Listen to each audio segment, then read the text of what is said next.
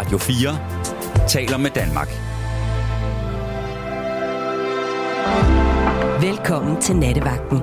I nat med Torben Steno. God aften. Hvis man føler sig uretfærdigt behandlet på sin arbejdsplads, så har man næsten 50% større chance eller risiko for at blive ramt af en depression eller blodprop i hjertet. Det er meget dramatisk, øh, men det er ikke desto mindre, øh, hvad en, øh, uds, altså en øh, undersøgelse hævder, og det er godt nok også en halvgammel undersøgelse, men øh, den øh, står altså til trone.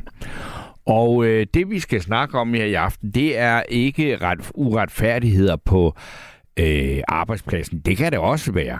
Men øh, vi skal snakke om uretfærdighed sådan i al almindelighed.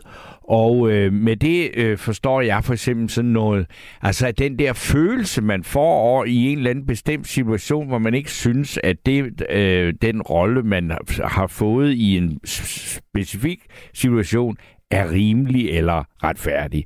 Øh, og øh, den følelse, der kan opstå, det, den kan være så vild og så øh, svær at komme af med, og det kan altså være over meget små ting. Men øh, jeg kan da bidrage med, at jeg har da også øh, prøvet det, og øh, altså noget af det mest øh, uretfærdige, jeg prøvede, det var at, øh, at blive vækket, øh, hvor jeg lå og sov i min seng i en lejlighed, hvor jeg ikke havde låst døren, og så stod politiet, og øh, så viste de skilt, mens jeg lå der i min seng, og sagde mit navn og sagde, at jeg var anholdt, om jeg ville være venlig at tage noget tøj på og følge med.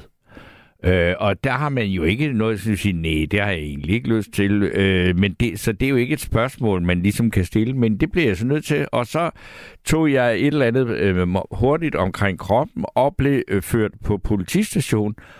Og øh, uden nogen nærmere forklaring, så blev jeg så sat i sådan en øh, celle, og så siger øh, den øh, person der, der lukker mig ind der, nu er det kun dig og vor herre, der ved, om du er skyldig. Jeg havde ikke engang fået at vide, hvad det var, jeg var anholdt for. Det er, øh, er noget af det mest øh, forfærdelige, jeg har været ude for. Jeg var, for først blev jeg rasende, øh, men så blev jeg også ked af det, og, og, og jeg sad derinde i brummen og øh, tænkte, altså jo længere tid der går, så begynder man at sige, har jeg gjort et eller andet, som jeg ikke aner, hvad er? Øh, så et øh, par timer senere, så blev jeg selvfølgelig lukket ud igen og skulle ind til en afhøring. Og der sad der så to genier af nogle politifolk øh, og spurgte om det, om jeg kendte noget til det. Og frem øh, viste de så en skuldertaske, hvor der stod mit navn og min adresse i, Øh, og det var så en skole, en, en skuldertaske, hvor mit navn og min adresse, eller min forældres adresse, øh, var det jo så, øh, der stod den i, og det var så en, sk- en skuldertaske, jeg havde mistet på et lejerskoleophold, der gik i 3. klasse. Det vil sige, at politiet havde så, at den havde de fundet på gerningsstedet. Øh, og derfor så mente politiet, at hvis jeg nu havde ville øh, begå et lavet indbrud i nærheden af der, hvor jeg boede, at jeg så var øh, så dum, at jeg så også laver. her ligger mit navn og adresse, hvis det er, at I synes, at øh, det var noget, øh, så kan I bare henvende jer der. Det er godt nok det mest uretfærdige, jeg nogensinde har oplevet. Øh, og øh, det viste sig jo så også efter øh, en, en øh, nærmere afhøring, at jeg så også blev løsladt igen, fordi det var jo fuldstændig idiotisk, det der var foregået. Men følelsen af uretfærdighed, den er voldsom. Og øh, jeg kender den fra andre situationer, også i, i nyere tid, hvor, hvor, hvor man siger, det kan være noget så, så øh, øh, vanvittigt, som jeg også har prøvet for nylig, at blive bortvist fra et øh, værtshus, fordi at der var en bartender, der mente, at jeg gik foran i køen, hvilket jeg ikke gjorde. Øh, sådan nogle ting, det, det, det kan virkelig øh, få mit øh, PCK, og jeg tror ikke, vi er nogen, der lever et helt liv, øh, uden at vi kommer til at opleve den slags situationer. Øh, og derfor så vil jeg gerne snakke med jer om øh, følelsen af uretfærdighed. Og øh, dem, der har lyst til at sige noget om det, I skal selvfølgelig bare øh, ringe ind her øh, i nat på 72 30 44 44 72 30 44 44. Og der er øh, også mulighed for at ytre sig om øh, personlig uretfærdighed. For det er det, fordi man kan også sige, altså folkemordet i Armenien eller øh, Putins overfald på Ukraine, det er også uretfærdigt. Men det er ikke det, jeg sådan fisker efter. Det er mere på det personlige plan. Men der er åben for øh, ytringer på øh, sms på 1424. Og jer, der er øh, ringer ind på 72 30 44 44, I kommer til at tale med, og nu skal jeg lige trykke på den rigtige øh, knap, og det gør jeg så ikke, det gør jeg nu, fordi så får I nemlig fat i Clara Cecilie Møller. Og øh, Clara Cecilie Møller, hvad har du af uretfærdige oplevelser i din bagage? Nu har jeg jo lige øh, stået og tænkt lidt, og det er ikke, det er ikke noget voldsomt, men alligevel, det første, jeg kommer til at tænke på, det er for et par måneder siden, da jeg lige var flyttet til København, og var helt grøn i det der med at cykle. Jeg synes, det var jeg synes, det var lidt svært at cykle i byen, fordi der er godt nok gang i den, og man skal holde øje med helt vildt mange ting. Det er ting. livsfarligt. Det er livsfarligt, og jeg, jeg er fra provinsen. Jeg er vant til at cykle, hvor det bare er mig. Ja. Altså sådan, der, der går lang tid, før der kommer en, en bil og overhaler mig, eller så går en cyklist bagfra. Så jeg havde ligesom nok at tænke på, dengang jeg lige skulle ud i trafikken for første gang i København. Og jeg tror, det var, jeg tror, det var den anden gang, jeg skulle ud og cykle. Og det var så om aftenen, jeg havde været ude og høre en koncert. Og jeg tænder min lygter, tager min cykelhjelm på, låser cyklen op, cykler afsted. Jeg synes ligesom, jeg har styr på det hele. Øhm, og så fordi jeg jo er vant til at cykle i provinsen, så er jeg også vant til, at derude, der er der ikke gadelygter, der hvor Nej, jeg cykle. det er der Så hvis jeg har glemt at tænde min cykellygte, så lægger jeg mærke til det, for så kan jeg ikke se noget. Ja. Det er meget nemt. Ja. Så derfor, mens jeg cykler over mod Langebro, lægger jeg ikke mærke til, at min forlygte holder op med at virke. Fordi der er jo ligesom masser af gadelys, ja. så det er jo ikke... Øh... Men det er jo heller ikke for, at du skal se. Det ved jeg, det er også det, altså, jeg ikke er vant til at tænke på, at Nej. jeg plejer at tænde min lygte, så jeg kan se, men det er jo egentlig, så jeg bliver set. Ja. Men lige den aften er der så politikontrol, eller cykelkontrol på Langebro. Så de der, jeg tror, jeg når at cykle 100 meter uden min cykellygte, og så får jeg kigget ned og tænker, okay, den virker ikke. Prøver at tænde den igen det virker ikke helt. Og så bliver jeg så stoppet af den her politibetjent, der har set min, ja. min lidt uheldige seance.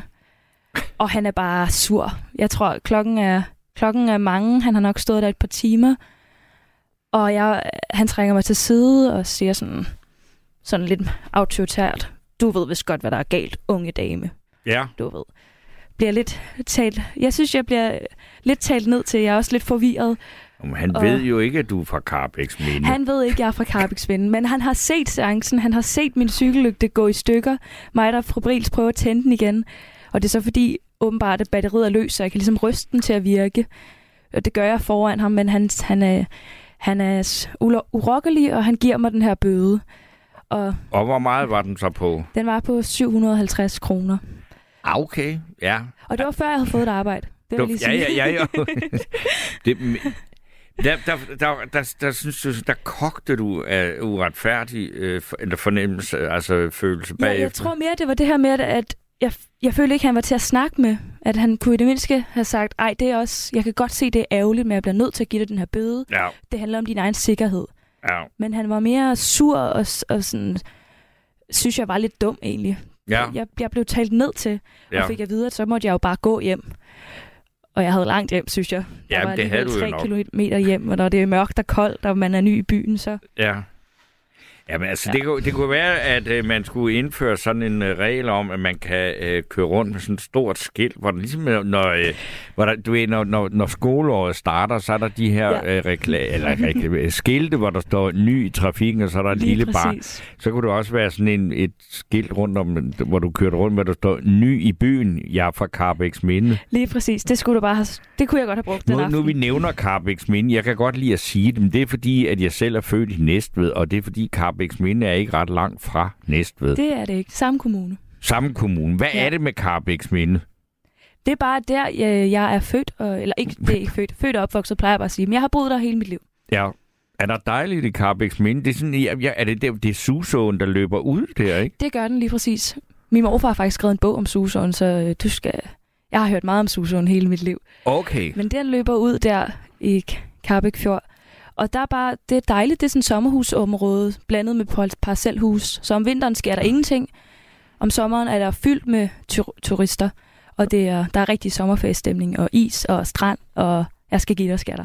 Okay, så fik vi også uh, lige, uh, hvad skal vi sige, nævnt Carbæks minde. Jeps, og uh, altså, uh, jeg har sådan set ikke at sige, det er, det er dagens ret, og der er allerede mm. kommet en del sms'er, men nu øh, går Clara Cecilie ud og øh, tager telefonerne for jer, der ringer ind på 72 30 44 44 og er klar til at komme med jeres historier om øh, følelsen af altså personlig uretfærdighed.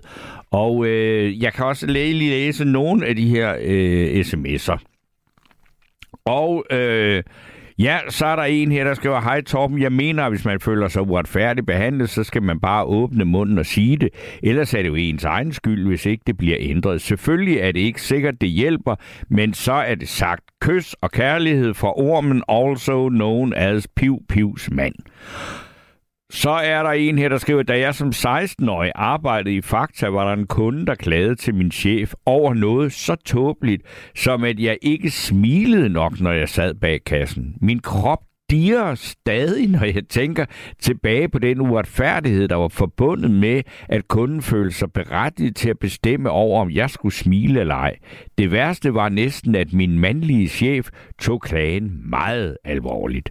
Ja, det øh, må være en svær en at øh, bearbejde. Det kan jeg godt se.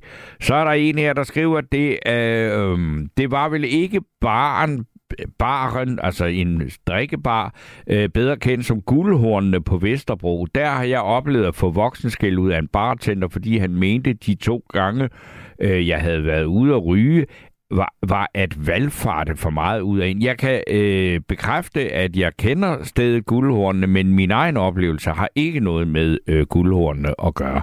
Øh, det var endda øh, en oplevelse, som øh, foregik i dagslys øh, Øh, og var på Nørrebro. Men det skal vi ikke bruge mere tid på.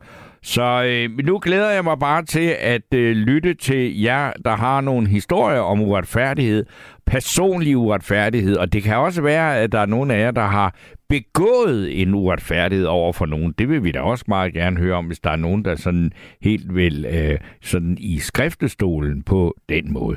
Men det, altså, telefonerne er åbne 72 30 44 44, og indtil vi har den første indringer igennem, så lytter vi til øh, Hosh, der øh, øh, med Dorte Gerlach, der synger Missing You. thank you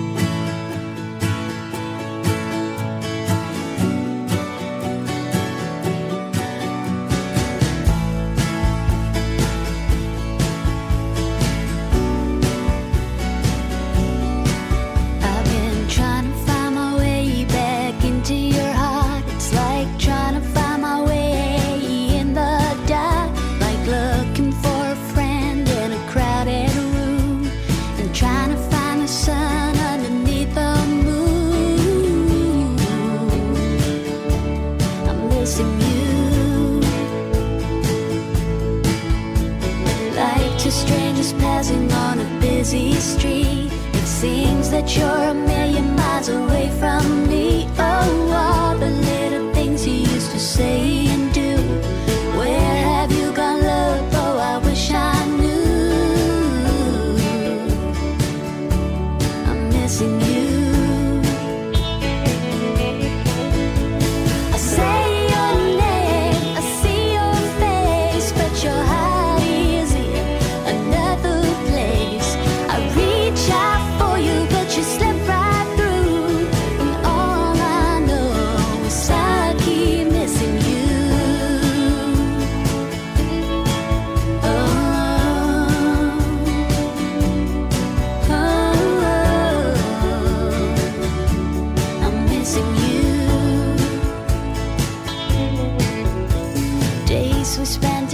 somewhere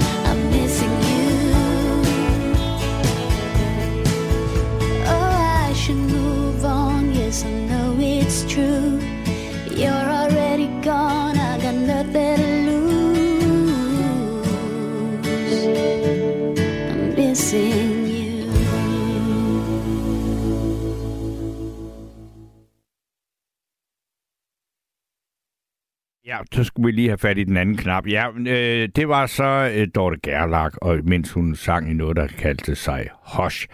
Og øh, så er der kommet en hel del øh, sms'er. Og øh, det her, det er, er så en, jeg lige skal læse op her, som jeg ikke helt forstår, men der står, velkommen til natten. Kunne du ikke forsøge at begrænse ordet okay på din vagt?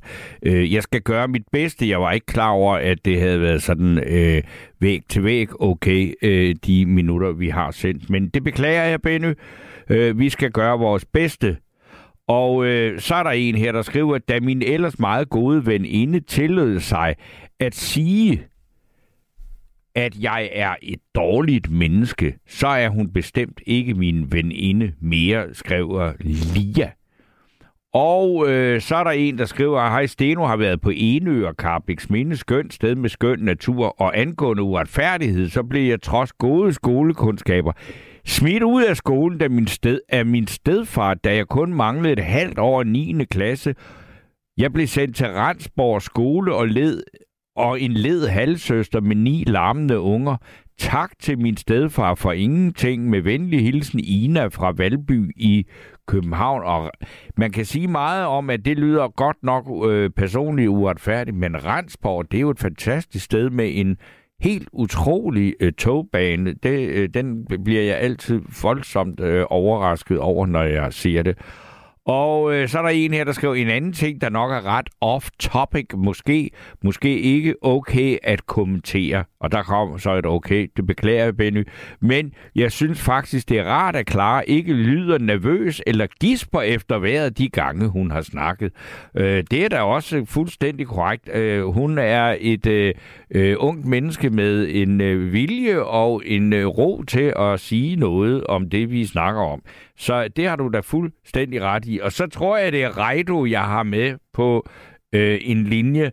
Og øh, Reido, hvad har du så at sige om uretfærdighed? En hel masse. Så må du hellere komme i gang. Jamen først så vil jeg lige sige tak til Clara, fordi det er rigtigt nok, hun var så rolig, at, øh, at hun kunne se, at der var en eller anden historie inde bag alt mit brøvl. Så hun sagde, hvad med at jeg bare sætter dig igennem til Torben og så går du i gang, så nu ligger jeg mig lige ned her på en fodboldbane mellem to mål. Okay. Og øh, okay, øhm, jamen, okay, kan du huske, der var nogen... Nej, ved du hvad? Øhm, hvordan har du det? Jamen, jeg har det øh, faktisk ganske udmærket, og jeg er klar til at høre på historier om uretfærdighed. Det er sådan det, ja, jeg har prøvet at sætte i gang. Jeg, kan, jeg beklager. Jeg prøver at få det til at sige okay. Øhm, Jamen, det er jo... Nu skal du høre, Marker. Øhm, personlig uretfærdighed. Tit ja. og ofte så har jeg følt, øh, at når jeg ikke blev forstået, så var det andres problem, forstår du? Fordi at jeg mente jo nok, at jeg havde den bedste intention med alt det, jeg forsøgte at fremføre, ligesom nu. Men jeg skal prøve at gøre det kort, for jeg er heller ikke meget strøm. Taler jeg okay? Er jeg forståelig? Ja, ja, du er fuldt, fuldt forståelig. Okay. Tak for det. Øhm, jeg har stiftet en forening, øh, som i teorien samler frø ind fra flygtninge, frø og opskrifter, og øh, laver reklamekampagner ud for det tøj, de ankom i. Så for eksempel, hvis det er et Nikes, så siger jeg, if you want to stay free, wear Nikes. Den startede forening, men var i høj grad en form for aktivering af min øh, ven fra Myanmar, fra Burma, som har været her i 20 år, eller har været undervejs i 20 år, og brugt 13 dage på at komme til Malaysia, og derefter 6 år på at, at blive mur og bygge hus for nogen uden at have et hus. Og så indtil så er jeg omvejet via ASEAN her i Danmark i Glamsbjerg, og har arbejdet på Danish Crown og i Sæby, hvor jeg er fra og er en del af en baptistmenighed på cirka 200 deroppe, øhm, som kommer fra en stat, der hedder Chin State, hvor de taler hele 53 forskellige sprog. Han taler 12, men er ikke så god til dansk, fordi han har ikke rigtig praktiseret det siden de der fem år slap op øh, på sprogskolen. Mm-hmm. Og det er jo det er en personlig uretfærdighed på et eller andet plan, fordi hvis man sidder længe nok sammen med nogen og ånder den samme luft, drikker samme vand, øhm, så har man en... Ja, må jeg komme til en øh, mere gyldig point? Jeg har gået rundt sådan lidt og leget med alle de her store tanker om, for eksempel, at man kunne løse Ukrainekrisen ved at bygge en øh, fælles øh, frøbank på alle frontlinjer, hvor korn og forskellige sorter, de, øh, de administreres af russiske og ukrainske personale. Og man kunne bygge vindmøller. Øh, der, det var en idé, jeg fik dengang, hvor jeg blev træt af, at Rockwoolmanden han stod nærmest undergravet dagen inden en afstemning i Vestas. Øhm, hele ideen om, at der skulle være nogle forskel på ukrainer og russere. Han sagde direkte, at de russere, der nu har været her i to år, er ikke blevet videre velintegreret. Det drejer sig om 15 procent nu på arbejdsmarkedet, og man kan jo mene, at, de, man må mene, at det er en, en lignende, en sammenlignelig kultur, siger Rockwoolmanden. Og Vestas har en masse... Du skal lige sige Rockwoolmanden det gør, at du kender ham godt. Han har også for nylig været ude og stå på mål for det. Af og til så er firmaer heldige at finde ja, det der, Rockwool er jo et af de firmaer i Danmark, der er meget, meget problematiske på den måde, at de øh, jo for eksempel leverer deres varer til, øh, altså til og, og, og det findes i russiske flådefartøjer. Præcis. Men det er jo ikke en dårlig ting, sin vis, vel?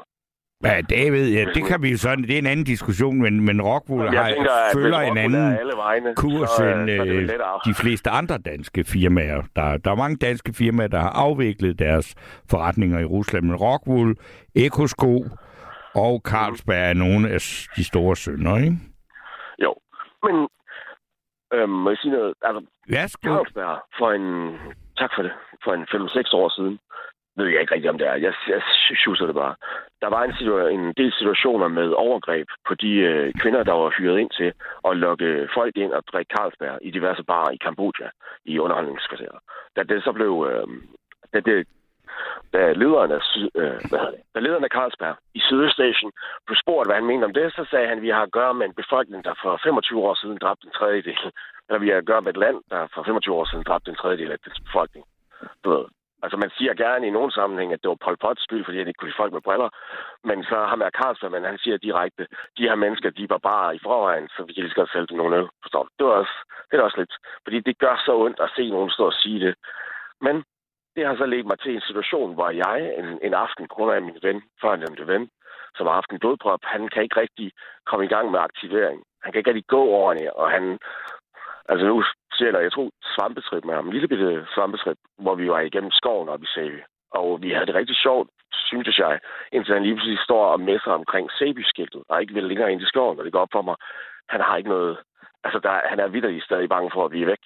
Ja. Øhm, ja. Nu, men han var også på svampe, ikke?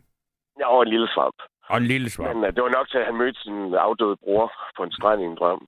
Men det er også til en side. Ja. Altså, denne her, denne her mand er jeg så dybt forbundet med på en eller anden måde. Fordi hey, jeg så en video, hans mor havde, hans familie havde sendt i anledning af morens 70-års øh, fødselsdag, og tilfældigvis også deres guldbryllup, den afdøde far, hvor hun havde lavet sin egen kraftsten. Og, så, og, og, og, og man, det sidste billede, man så, det var den okse, de slagtede. De bor på et sted, ja, nu bør jeg måske ikke sige, men altså, de, det er det mest fantastiske sted ude midt i en, øh, jungle i et hus, der har navn efter Ebenezer Scrooge, og vækker minder om, at Myanmar er dybest set opstået, fordi ingen... Ebenezer Scrooge, det er ham med et juleeventyr, Charles Dickens. Du er jo meget, øh, hvad skal vi sige, dannet og vidende mand, Rejdus, men det er jo ikke alle, der lige kan følge med hele vejen, så det er derfor, jeg lige blander mig lidt. Du har helt ret. Du har helt ret. Nu vil jeg holde mig til det konkrete skridt. Øh, fordi at øh, han havde svært ved at gå, og fordi at jeg var lidt hvad hedder sådan noget, tømmermandsramt, så fik jeg den idé, at en, et sted, han kunne møde sin skæbne, det var den lokale Sebi Grill, som ja. jeg mente var ejet af en kineser, og som ligger ved siden af et træ, plantet i 1915 til ære for kvindernes stemmeret, øh, hvilket er en pussy ting. Øh, og ved siden af en uh, statue af mm-hmm. Theodor Lassen, tror jeg, han hedder. Var det Wilhelm Lassen, en stor taler, socialreformator, som døde i 1908, hvor der nu kommer jeg til det konkrete. Jeg går så ind på den her bar, og så siger jeg så, hej, jeg har en mand, som kan lave, er dygtig til at lave mad. De her baptister, de står, står gerne fem, øh, fem fyre og tilbyder mad til 300 besøgende øh, baptister fra Sverige, Tyskland og sådan noget. De, de ligger sådan lidt i centrum. Og så, siger, så viser det sig, at manden han er kambodjaner ham, der ejer den. Og så siger okay. jeg, jeg troede altså, det var en Kina-grill så meget af en thai-grill, jeg, men du er virkelig en kambodjaner, så må du kunne forstå det her. Så nævner jeg den historie med Carlsen. Så blev den faktisk relevant der, og så, kunne han, så sagde jeg, at det vi skulle lave, det var en sydøstasiatisk grill med The Refugee Special, hvor vi så koger, vi laver de enkelte øh, meget, fordi hvis der er 220 øh, burmeser, så er, så, så er jeg altså, måske 40 sprog i blandt Ikke? Okay. Øh, ja, og, men fælles for dem alle er, at de spiser noget, der hedder sabuti. som er en type lidt eller majs. Og majs, øh, ja, nu skal jeg blive konkret og ikke lade mig rive med. Nå, men altså, jeg nu får... synes jeg, at jeg får noget at vide, for jeg aner ikke, jeg har aldrig hørt om denne såkaldte burmesiske, det var det, som Myanmar hed i gamle dage, øh, majs-type, du snakker om. Og øh, det har godt nok ikke så meget med personlig uretfærdighed at gøre, men vi får da noget at vide. Det må jeg være give dig, Reido. Tak skal du have, Tom. Det er virkelig... Ja, jeg føler mig tryg. Hvad hedder det? Men det skal han jo også. Jeg var med ham op som bisidder til et møde, hvor øh, altså, han er jo... Øh, han har nogle... Han kan ikke rigtig finde ud... Altså, han er ikke idiot. Han er dygtig, og han er tidligere boksemester, og op. Han hævede sin efterløn, da jeg først med ham. Så var jeg med ham, og der var, han glemte sin kode hele tiden. Så han hævede sin 61.000 i efterløn, og da jeg, altså, jeg prøvede at få ham til lægen og sådan noget. Ja, ja, fordi at han vidste, at han blev ved med at sige til jobcenter, så blev ved med at lytte til ham sige det, at ja, man skulle bare lige have et par måneder, før han var tilbage på arbejde. Men manden drikker en slags gin, der gjorde. Og nu, har, nu mødte jeg ham forleden. Han havde været ædru i syv dage. Mm-hmm. Øhm, ingen rystelser, ingen... Øh, det var sådan en helt anden oplevelse. Og så blev han, så næste dag sendte han et billede, hvor han blev, han var blevet klippet. Øhm, han, hans, mor, hans søster er frisør over i Myanmar, og han selv klipper mange af de andre. Og så sagde jeg til ham, at vi skulle lave sådan nogle, øh, vi skulle lave en falsk kode, som øh, bygger på hår, hårstrås længde. Og så sådan er jo en helt intrikat system, som jo ultimativt vil, øh, vil ligesom konfrontere ens egen bias. Så, okay, så Reido, nu skal jeg lige sige, øh, fordi, fordi der er en, ja. en lytter, der hedder David, og han spørger, Puha, han er forvirrende. Hvad er det, han mener er uretfærdigt for ham? Og det er jo så dig. Og det vil det jeg egentlig også... Ja. Det er uretfærdigt, at vi... Øh, hvad hedder det, at vi skal leve adskilt, fordi at der er nogen, der er flygtninge, der er nogen, der har en status af opholdstilladelse og sådan noget. Men vi har alle sammen den samme viking, der skriger ned for Jelling. På, på, det gælder både grønlændere, som jeg vil nå frem til, og øh, bromiser. Og mange, oh, shit man, men det er også lige meget saboti her. Når han har hørt min kæreste tale, synes at han genkender alle mulige... Øh... Nå, så røg forbindelsen.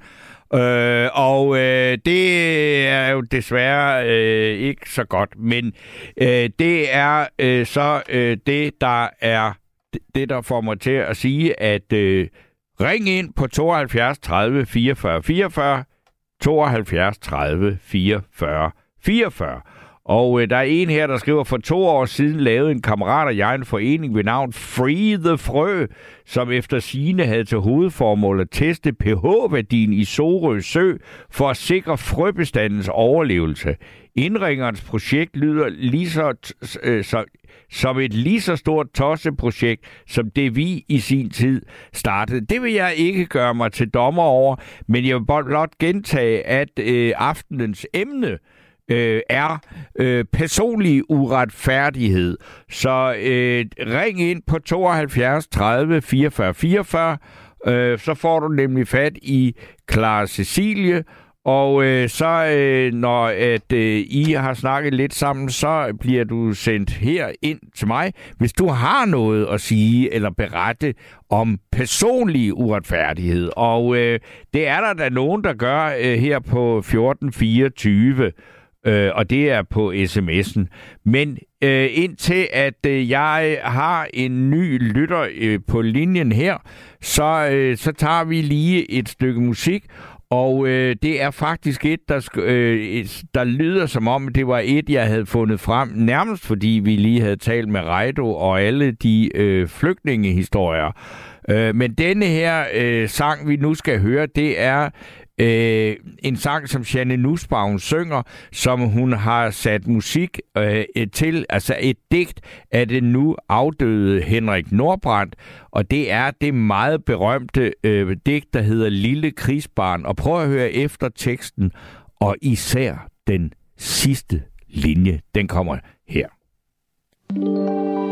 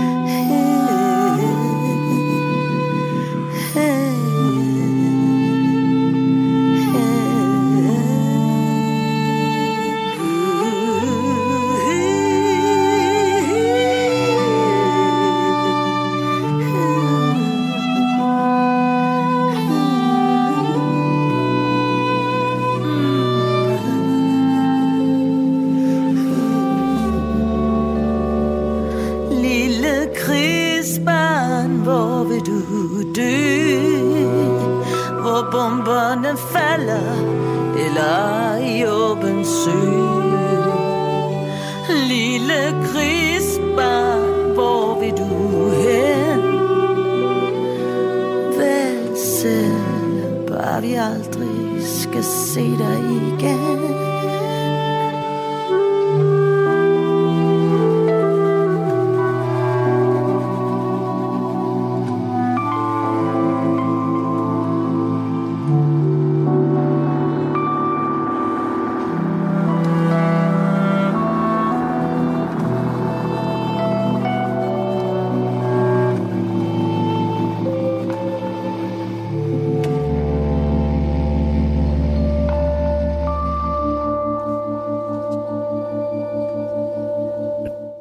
så øh, Janne Nussbaum, der sang øh, Henrik Nordbrands digt Lille Krigsbarn. Og øh, så er, er der lige et par sms'er, jeg kan nå her, inden vi skal tale med Mathilde. Øh, der er en, der skriver, som borger føles det uretfærdigt at have sat kryds ved et parti, som nu annullerer stor bededag, uden at fortælle os det. Øh, uden at fortælle os, at det var noget, de kunne finde på at gøre. Den følelse deler jeg med 7 ud af 10 vælgere.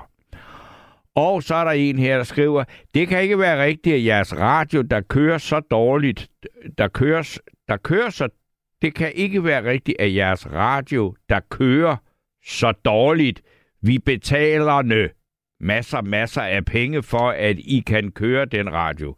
Se nu at få den op og køre, uden alle de forbandede afbrydelser. Det er simpelthen ikke til at holde ud at høre på. Ingen andre radioer kører så elendigt som denne. Nu har det stået på, siden I startede Radio 4. Og så med endnu større bogstaver, se så for fanden og få det fikset nu. I ved, at radioen falder ud hver nat 0.30 og nu også 0.50. Der må der være nogen, der har givet de øverste besked på dette. Og det kan jeg så besvare med, ja, det er der. Og øh, det burde faktisk også være øh, fikset. Så er der en her, der, og det er Molly, der skriver, uretfærdigt og forfærdeligt, at jeg fint fik min søn begravet på en helt forkert kirkegård og i en helt forkert grav. Det var, øh, og jeg vil tro, der skal stå, ja, det er F, og så en masse prikker. Virkelig hårdt at få ham gravet op igen. Med venlig hilsen Molly. Det var da også en helt grotesk historie, øh, og det kan jeg da godt øh, forstå, at du synes er uretfærdigt. Så står der, er, øh, for mig er den største uretfærdighed, der er sket i Danmark, helt klart, at Mette Frederiksen undgår en advokatundersøgelse. Loven gælder alle, undtagen hende. Øh, og øh, det er jo altså øh, ting, der, øh, eller sms'er, der øh, refererer til, at der er øh, at aftenens emne, eller de historier, vi skal øh, snakke om, eller kan snakke om, det er øh, dem, der handler om personlig uretfærdighed. Og øh, det er jer, der ringer ind på 72 30 44 44, der leverer dem. Og det er der nu Øh, nu, er der, nu skal jeg sige god aften og velkommen til Mathilde. Ja, hej Torben. Hej Mathilde. Det er længe siden. Ja, det er det. Men hvad har du? Har du nogle personlige uretfærdigheder, du godt vil dele med os andre? Jamen, jeg skrev jo med den her faktahistorie. Jeg synes jo lidt, at øh, jeg fornemmede lidt noget ironi i din kommentar til det med, at ja, det var da virkelig også svært at bearbejde sådan en oplevelse. Sådan lidt som om sådan lidt hunden. Nej, det er det ikke. Jeg, jeg, det, det, det, men men, men, men øh, det, jeg ved ikke, hvordan gjorde du? Har du bearbejdet Eller er det stadigvæk noget, der, at du bliver rasende, når du tænker på det? Jamen altså, jeg kan godt forstå, at det i nogle søger kan lyde som en fuldstændig ligegyldig lille ting, men det var første gang i mit liv, jeg oplevede den der følelse af at blive objektiviseret, og jeg er jo normalt ikke sådan en feminist-type overhovedet. Tværtimod, du gav mig jo selv det her kaldenavn i Mathilde, fordi jeg nærmest går ud og taler den helt modsatte sag. Ja. Men den der følelse af, at jeg pludselig ikke stod i butikken for at betjene kunder og scanne varer. Jeg stod der, fordi at ham her kunden, han skulle have mit smil at kigge på. Han skulle have mig at kigge på. Det var så meget ubehageligt. Ja. Og det, har, det havde jeg ikke prøvet tidligere på det punkt, så jeg tror, det er derfor, det stod så dybt i mig. Det var så vemmeligt at blive objektiviseret på den måde. Jamen, var det ikke næsten værre, at din chef synes, at at give kunden ret? Jo, min chef var også virkelig modbydelig. Han ja, fordi det, det, det, det, det, det, det kan jeg næsten bedre forstå, at man kunne blive rasende over. Ikke? Men man kan sige, altså, han var jo ham har jeg overhovedet ikke meget til overs for. Det var alle kvinder, alle de kvindelige ansatte, han havde den der mandsjournalistiske tilgang overfor. Men det er det der med, at en fremmed kunde, som jeg ikke engang aner, hvem er, og ikke kaste et ansigt på, føler sig berettiget til at vurdere, om jeg skal sidde og smile dagen lang, eller hvordan mit ansigtsudtryk skal være. Ja. Det er fuldstændig frygt. Jeg kan bedre forholde mig til at få kritik øh, af en, som jeg faktisk har en relation til og kender, og jeg nærmest ser på daglig basis frem på en komplet fremmed person, der føler sig berettiget til det. Men, men altså, når, når, øh, når situationen opstår, så er, det, så, så er det fordi, at du synes, at den her kunde altså kigger på dig og forventer noget, som overhovedet intet har med den øh, opgave, eller den funktion, eller den situation, I skal gennemspille, fordi han skal købe nogle varer, og du skal sørge for, at han betaler for det. Og der kan ja, han, han ikke... går ind og vurderer mig i kraft af mit udseende og mit ansigtsudtryk, hvor at det er jo ikke på grund af de kvalifikationer, jeg er blevet ansat overhovedet, så jeg synes, er blandt tingene sammen på en meget ubehagelig måde. Men er det ikke sådan, at lige meget hvem vi er, uanset hvilket køn vi er, hvilken alder vi har, at så øh, kan vi jo ikke lade være med at... Altså, første gang vi ser hinanden, møder hinanden, så kan vi jo ikke lade være med at kigge på hinanden og sige, Nå, hun ser sådan ud. Nej, nogle store ører, han har, eller sådan noget. Altså, det er en del af det at bevæge sig i det offentlige rum. Jamen, du vil jo aldrig klage over en kassemedarbejder store ører. Øh, nej, det, det, det håber jeg sandelig ikke, at jeg ville gøre, vel? Vil ikke, hvor emse du er, men øh, det håber jeg da ikke. Nej, nej, men, men er det ikke rigtigt? Altså, vi, vi, vi, kan jo ikke, vi kan jo ikke holde op med at se og høre det, vi er. Vi kan holde op med at give udtryk for det, vi ser og hører, ikke? Jo, og stop med at have forventninger til fremmede mennesker, det synes jeg da generelt. Altså, vi har alt for mange forventninger til hinanden i dag, det synes jeg også, vi skal til at komme lidt væk fra. Jamen, jeg må da ind, altså for eksempel i går, der var der, gik jeg forbi et øh, tøjstativ med udsalgsskjorter.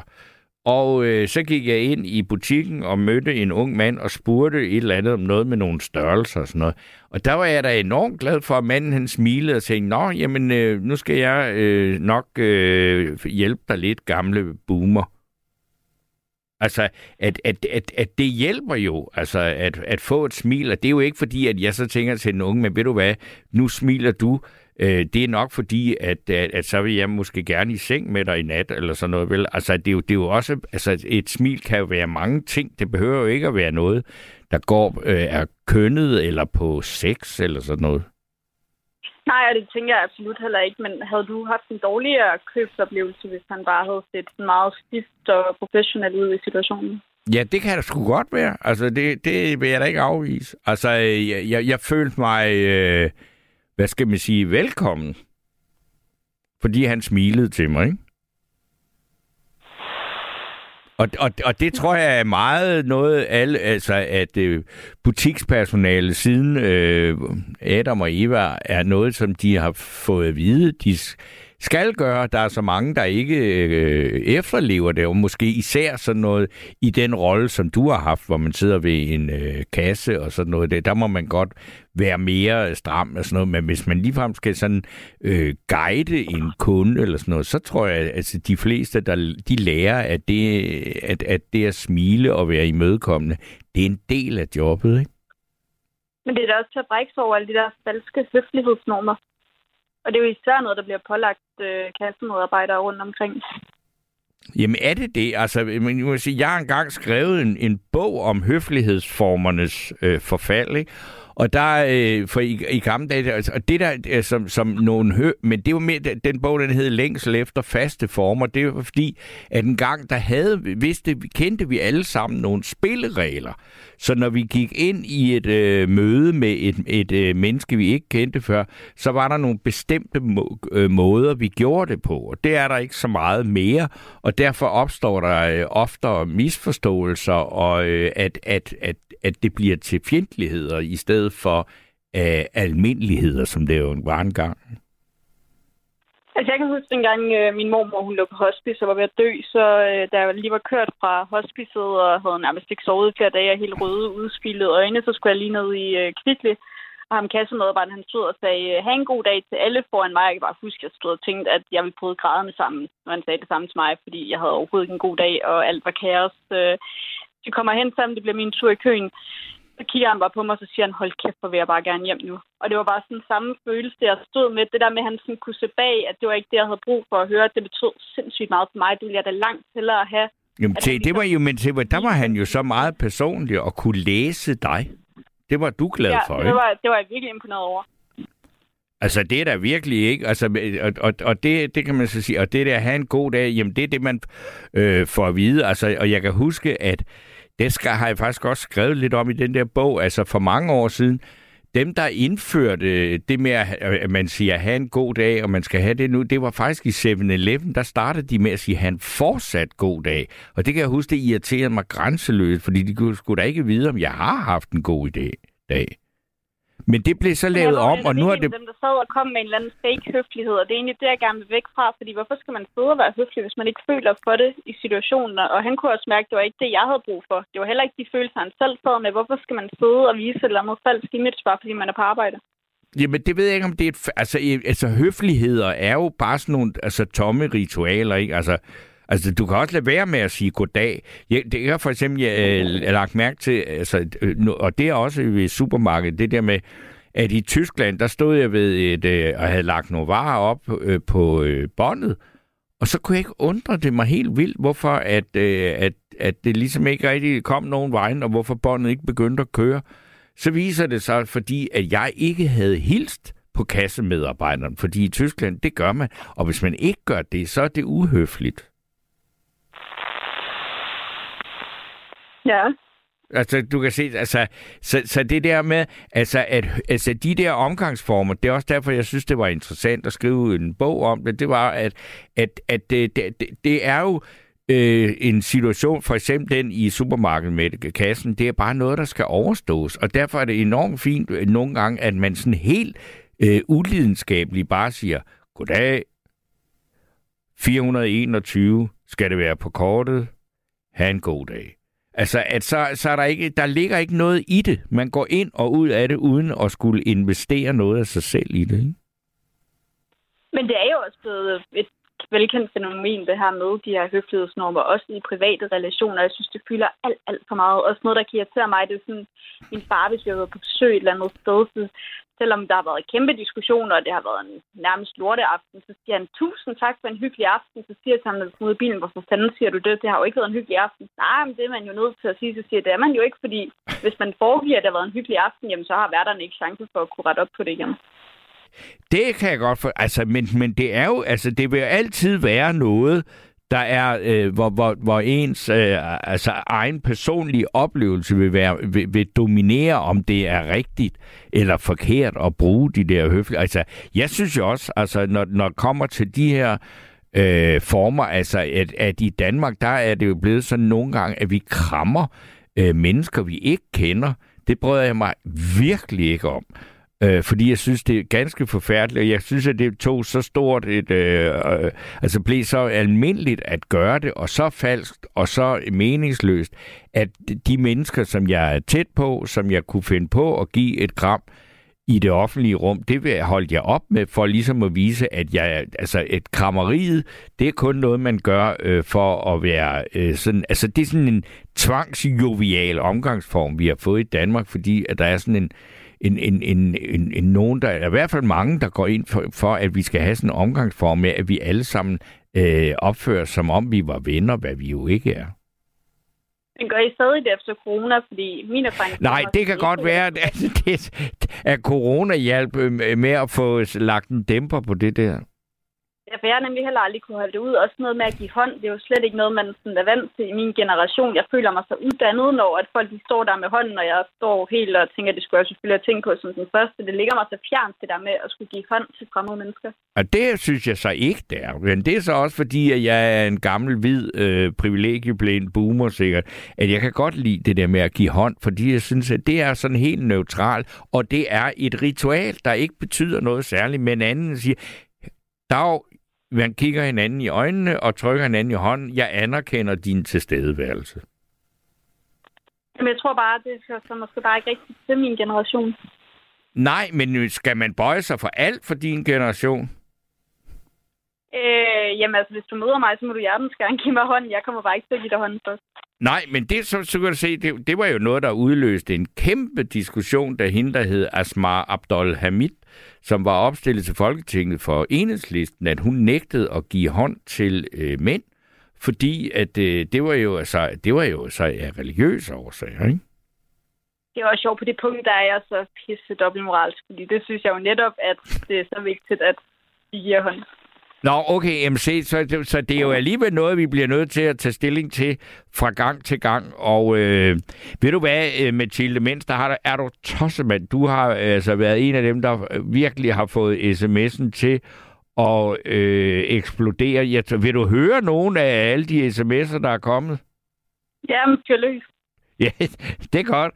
Øh, der er en her, der skriver, der foregår så mange små og store uretfærdige ting i verden. Det er uretfærdigt, at nogen går og sulter, men andre, og jeg kan ikke engang nå at læse dem, for der kommer flere med til, øh, fordi så skiftede skærmbilledet lige, mens, aldrig, mens andre aldrig fejler noget. Det er uretfærdigt, når kvinder overfaldes ude i mørke, og når kvinder storkes af syge mænd.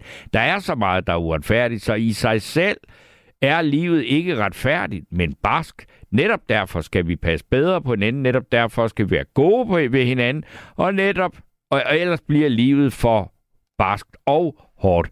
Og så er der en her, der skriver, dum kunde, indbilsk chef med venlig hilsen Bodil, og det er der lige til at tage og føle på.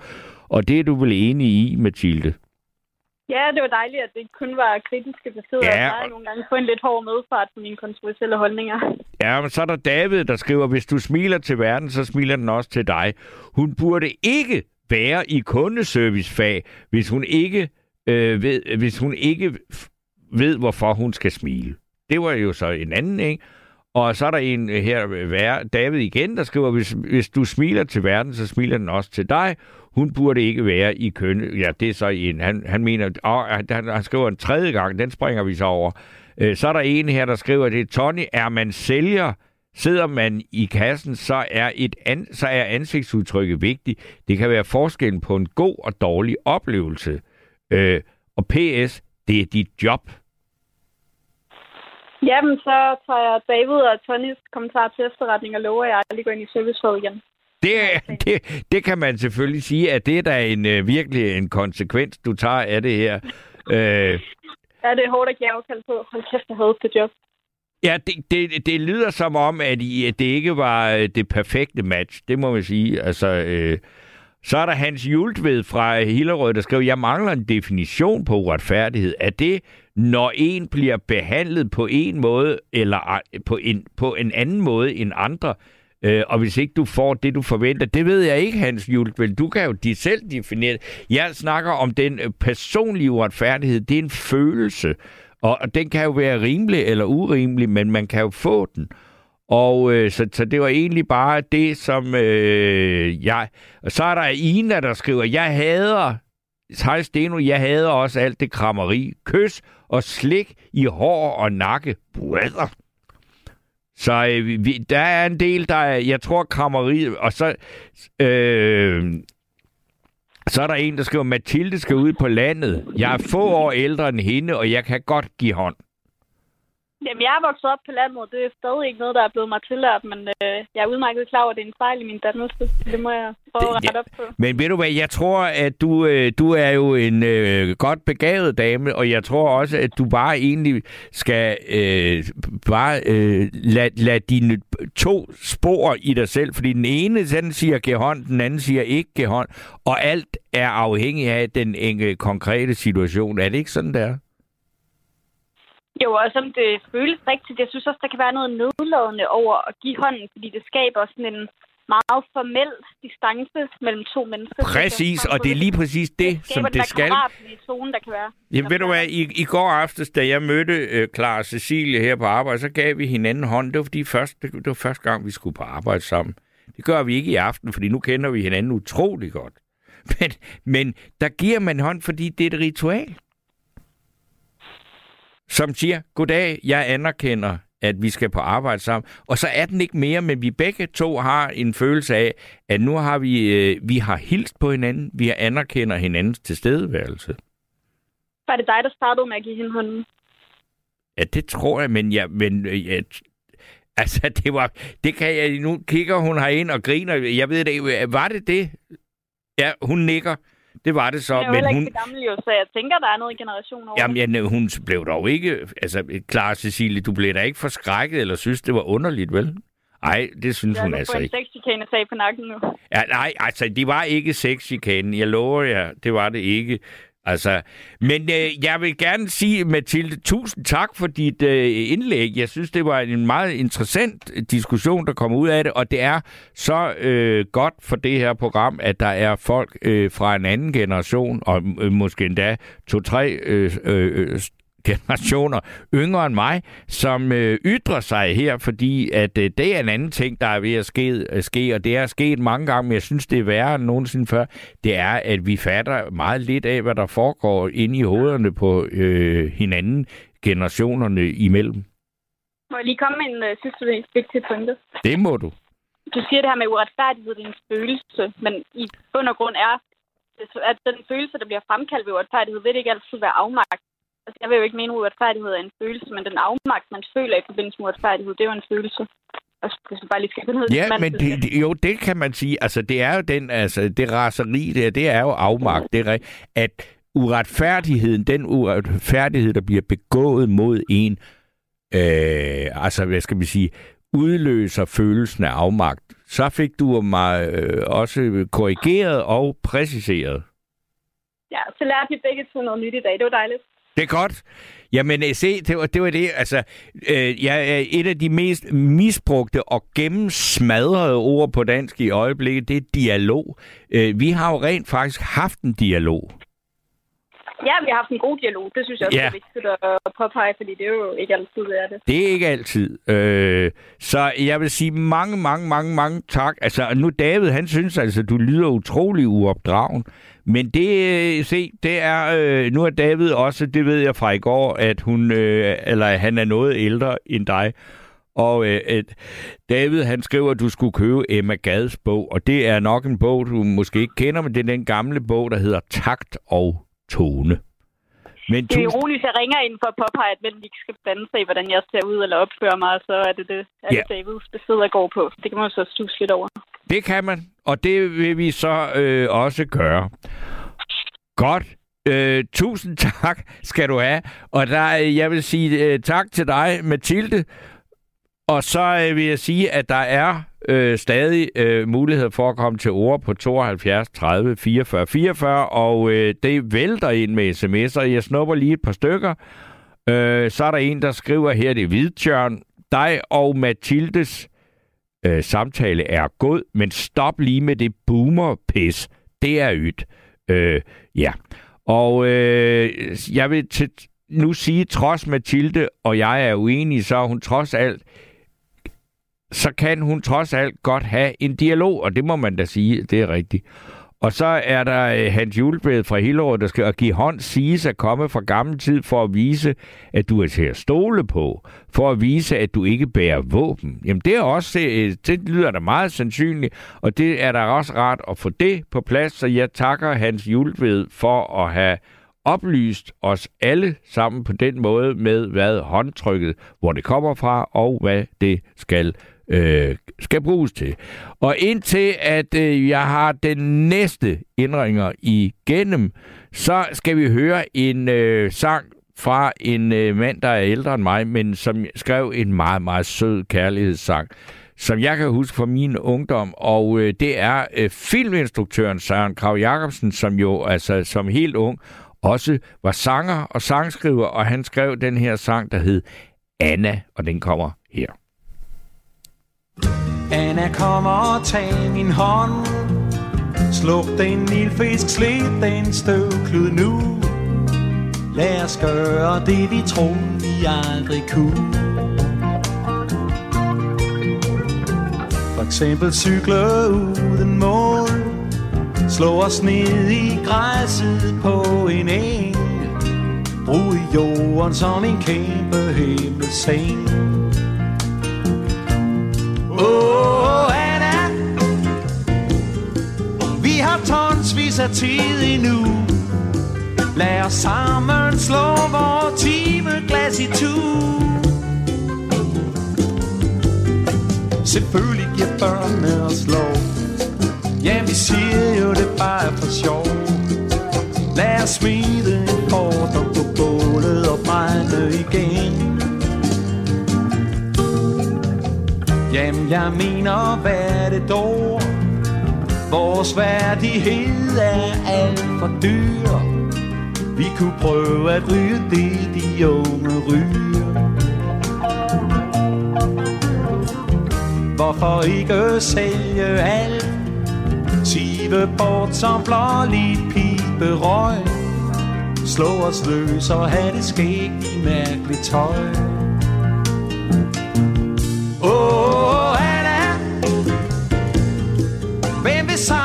os, hvis vi tør? Jamen, jeg tror bestemt, vi kunne få det ligesom før. Men jeg kan se på dit kaffesmil At nu trænger han vist til det bil. Men jeg har det som om, jeg har sovet i hundrede år. Børne, børne har det fint. Da naboen tænker blæser vi da på. Lad den bare sløve hen og gå i stå. Nu er det bare dig og mig. Vi er da ikke gamle, synes du vel? Og den eneste gæld vi har er til os selv.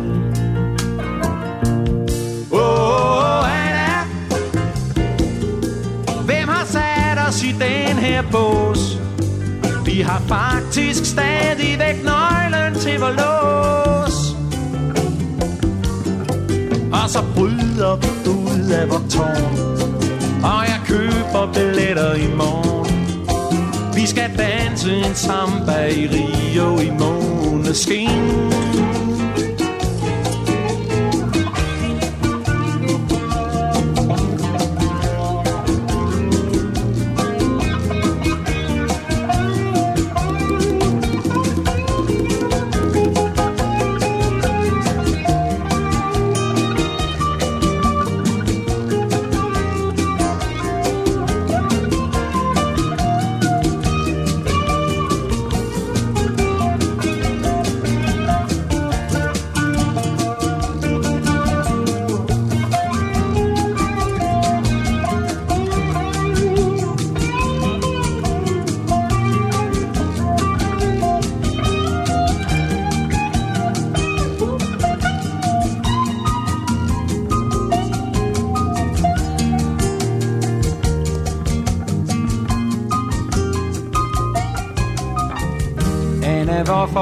Sukke nu. Det var kun en tosset skør idé. Sæt dig ned, så laver jeg en kande te. Nej, selvfølgelig, slap nu af. Vi bliver boende her til dommedag. Du skal bare glemme alt det brøl, jeg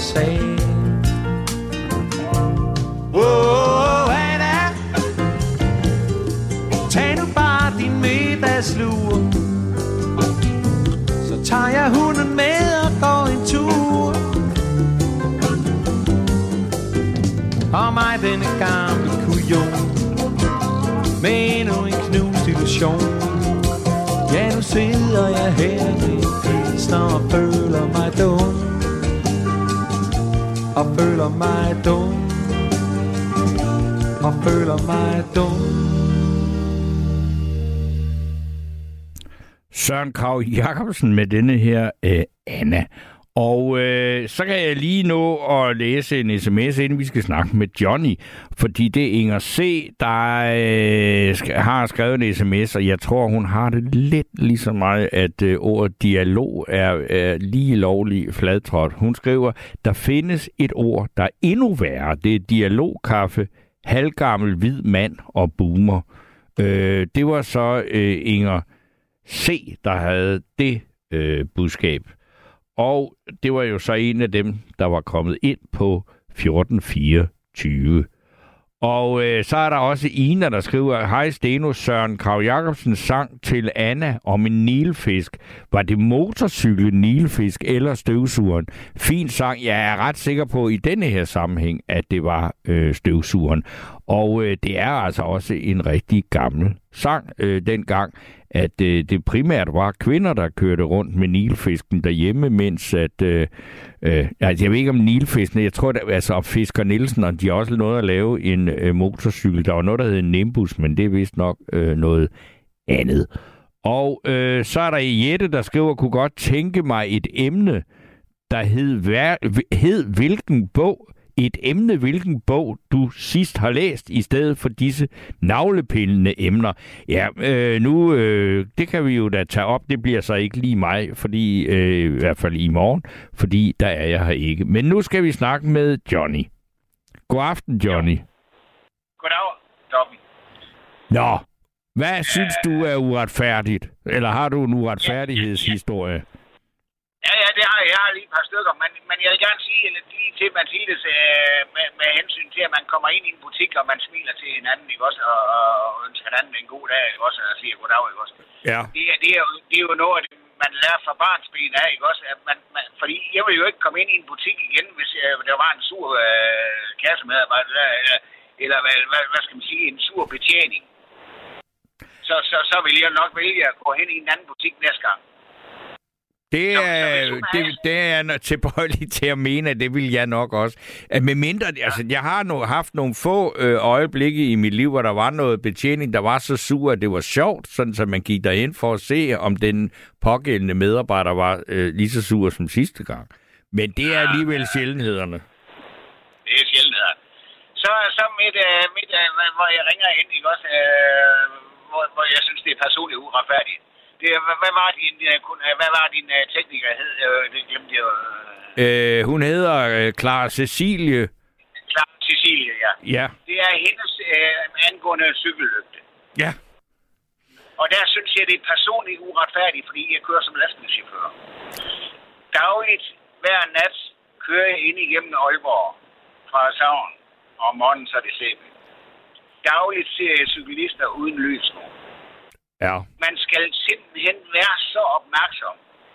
Hvis jeg nu på et tidspunkt rammer en cyklist, og måske kører øh, vedkommende over, og der, der sker øh, det Gud forvarmende, der ikke måske, at øh, cyklisten dør af Ja. så vil jeg kunne risikere en dom for uaksom manddrag. Ja. Det vil sige, at jeg kan blive frataget mig, øh, sådan at jeg kan ikke komme hjem til min kone. Jeg kan blive sat i fængsel i en periode. Ja.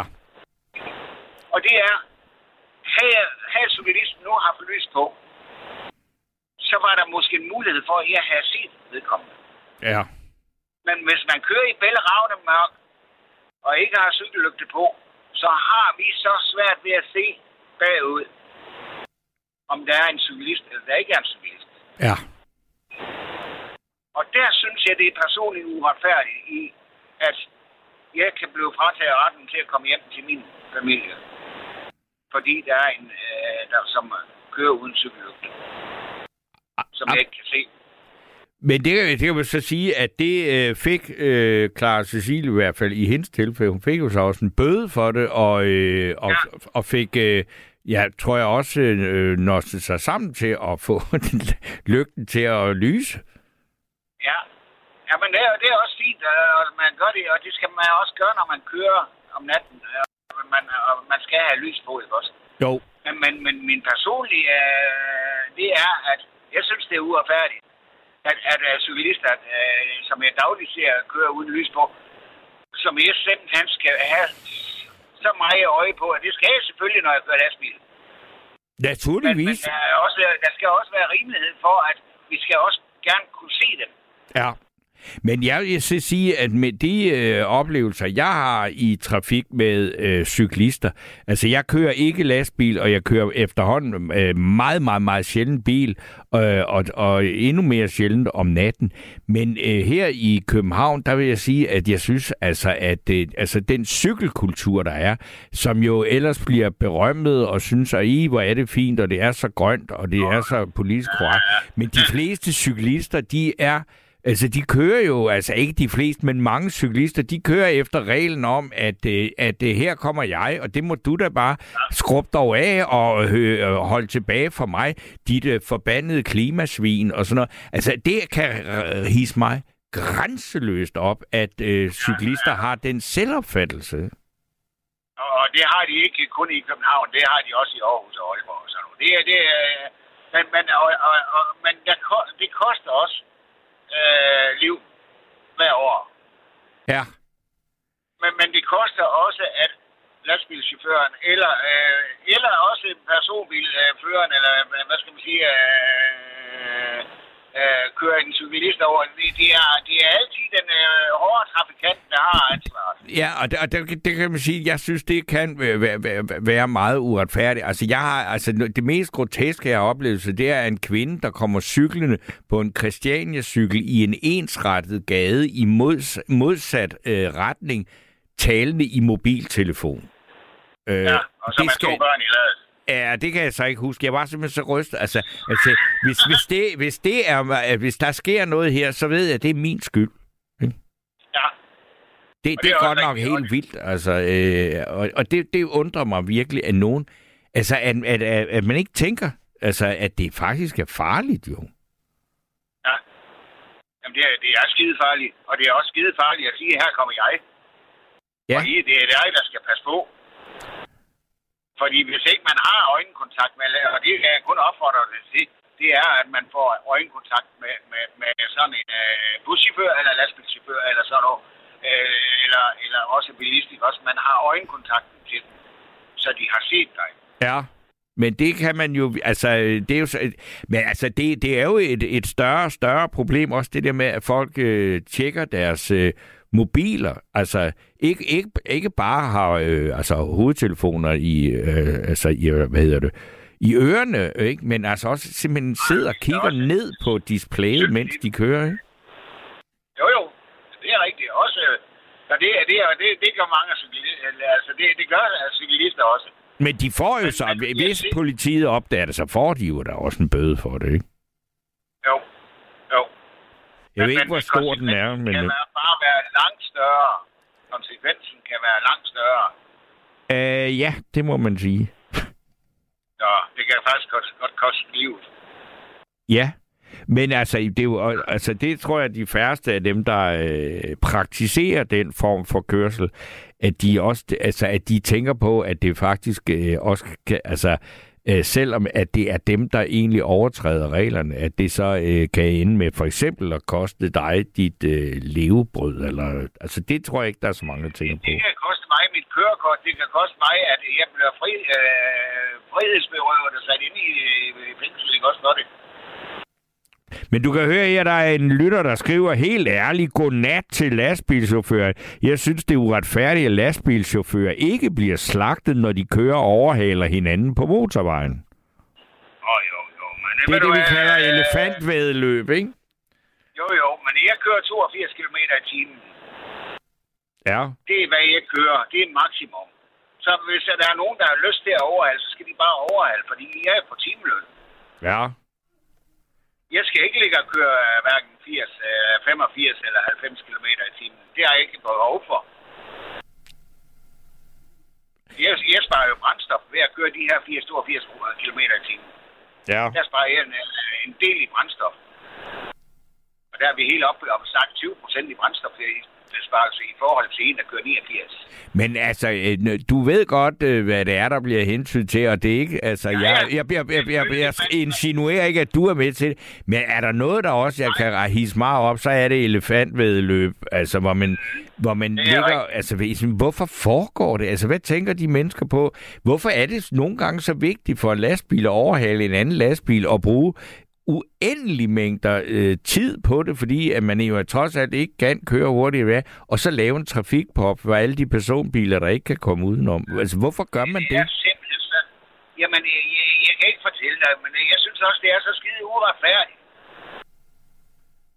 Og, og det mener jeg faktisk. Det er skide uretfærdigt, at man ikke kan komme to minutter frem før tiden. Altså, det måske lige forhindre. Det er, at bilister kommer måske to minutter senere frem. Men men, fordi jeg kører 82 km i timen, så gør det måske, at, der er en lastbilchauffør, der kører 89. Han kommer måske 2-3 minutter hurtigere frem end mig. ja. Mere, mere drejer det sig faktisk ikke om. Nej, men hvi- hvis du så ligger med dine 82, og der kommer så en med 89, og så kigger du så olmt over på ham, når han kører udenom dig på Nej. motorvejen. Nej, jeg, jeg plejer lige at taste lidt ned, ned, så giver jeg måske ned til 78, så glider han hurtigere forbi. Okay. Og så sætter jeg op på øh, 82 igen, når jeg kører. Ja, altså, når, når han har kørt forbi mig. ja.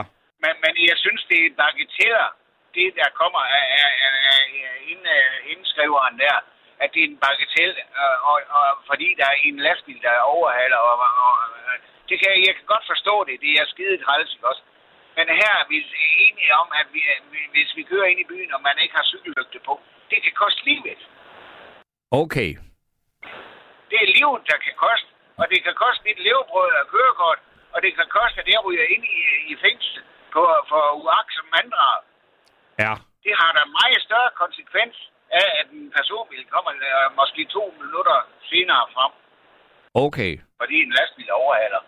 Jeg, jeg kan ikke føle mig så, at, øh, hvad skal man sige, støtte over det. Jeg, er mere- jeg er mere støtte over, at man kan finde på, at jeg kan køre rundt ind i byen på cykel. Øh, øh, enten øh, sige, at det er her, her kommer jeg, eller alt sådan noget, ikke også? Øh, men, men øh, så man også kører uden lys på, ikke også? Ja, jo. Det er jeg altså mere støtte over, end jeg er en lastbil, der ligger og glider forbi mig. Okay. Fordi det er, det er en kultur, vi har her i lastbil. øh, Altså, hvis man er en ordentlig chauffør med omtanke for andre, ikke også? Så tager man lige og så tager øh, fartpiloten to eller tre stykker ned i, øh, sådan at du, det, går hurtigere for lastbilen at glide forbi. Det tager ganske, det, det tager måske et halvt minut, så han overhalet dig. Okay. Okay. Men så fik vi også øh, et, et diskuteret øh, elefantvedløb øh, i forbindelse Ja, med... Men Øh, jeg så har så lige én ting mere. ja, ja. Det skal vi så også høre. det er, at øh, i Danmark, der har vi ikke så mange restepladser for lastbilchauffører. Fordi vi skal have nogle større pladser. Vi kan ikke bare holde, hvor der er, hvor øh, busser og øh, personbiler skal holde. Det må vi ikke. Og hvis vi gør det, så får vi 2.040 kroner i bøde. Ja. 2.040 kroner. Og det, det- kan for eksempel være, det kan være, at en personbil har fundet ud af, jo, der er en god stor plads her, der kan jeg lige være, ikke også? Det er måske der, hvor chaufføren skal ind og holde sin pause, som vi skal overholde. Ja. Vi skal overholde vores køre. Vi skal holde vores hvil. Vi skal holde vores pause. Ja. Men så holder der lige pludselig en personbil lige der, hvor, hvor øh, chaufføren skulle have holdt. Ja. Og så er man nødt til at holde bag ved hinanden, eller der, hvor personbiler er der. Og det koster chaufføren 2.040 kroner i bøde. Og der er parkeringsvagter, der kører ud, også om natten, og sætter parkeringsbøder i lastbilerne. Ja. Gør de så ikke også det på personbilen, hvis der er en personbil, der holder i sted, hvor du skulle have holdt? Nej, det har jeg altså simpelthen ikke hørt om. Nå, okay, ja, det er Det har jeg uretfærdigt. ikke, det har jeg ikke hørt om. Nej, det, er- det er- men, men, men, Hallo? Ja, ja. Ja, ja. Ja, det har jeg så selv ikke hørt, at der er nogle personbiler, der får B-bøde ved at holde på en lastbilsparkeringsplads. Men, men det er muligt, det skal jeg ikke kunne sige. Nej, men altså, så altså hvis, hvis, man, øh, hvis der kom en øh, patrulje forbi der, så burde, eller en p-vagt, så burde de jo gøre det, ikke? Jeg ved så heller ikke, hvad taksten for det vil være, men det må jo være, ligesom det vil være at holde ulovligt alt, som det vil være alle mulige andre steder, ikke? Jo, jo, men det er så kun 830 kroner, men øh, også lastbilchauffører, vi skal lige bonges. Øh, jeg tror, vi skal lige have med de der 2.040 kroner. Det er trods alt en øh, god dagløn for en lastbilchauffør. Det må man sige, det, øh, det er også en god dagløn for mig. Øh, Så det, øh, jeg vil, det, det kan jeg godt se, det er, men, men det virker vel også, altså det ved jeg ikke, hvor meget, har du simpelthen sådan et, et budget øh, til, hvor mange bøder du skal have? Fordi hvis du nu skal bare holde, og du skal overholde dine regler, der ikke er noget, så holder du et eller andet sted, og hvor det Nej, ikke... jeg har det ikke regnet med, regnet med i budgettet, men jeg har fået øh, to parkeringsbøder for at holde med lastbil. Ja. Det skal, øh, det, men det har jeg så ikke regnet ind i mit budget, men, men, men der er ikke andre til at betale end chaufføren. Nej, nej. Og firmaet vil der slet, slet ikke, fordi det er jo ikke... Øh... Nej, nej, det er chaufføren, der skal betale den. Hvad, hvad, hvad, hvad, hvad gør man så, hvis du har det der? Nu, nu siger dine hviletidsregler, du skal stoppe, og der er bare ikke nogen plads. Hvad gør du så? Du, du vælger at sige, det er billigere for dig at få en parkeringsbøde, end det er at overskride din køreviltid. Okay. Din køreviltidsoverskridelse hedder 4.000 i bøde. Okay. Så er det billigere at betale 2.000 i bøde 2040. Ja, og det andet bliver også over, øh, altså på grund af de her, altså der er jo kontroller i bilerne, så, så man kan se, hvis du ikke ja, gør det, ikke? er ret i bilen, som fortæller, og der kan de faktisk gå to et halvt år tilbage efter det nye system. Ja.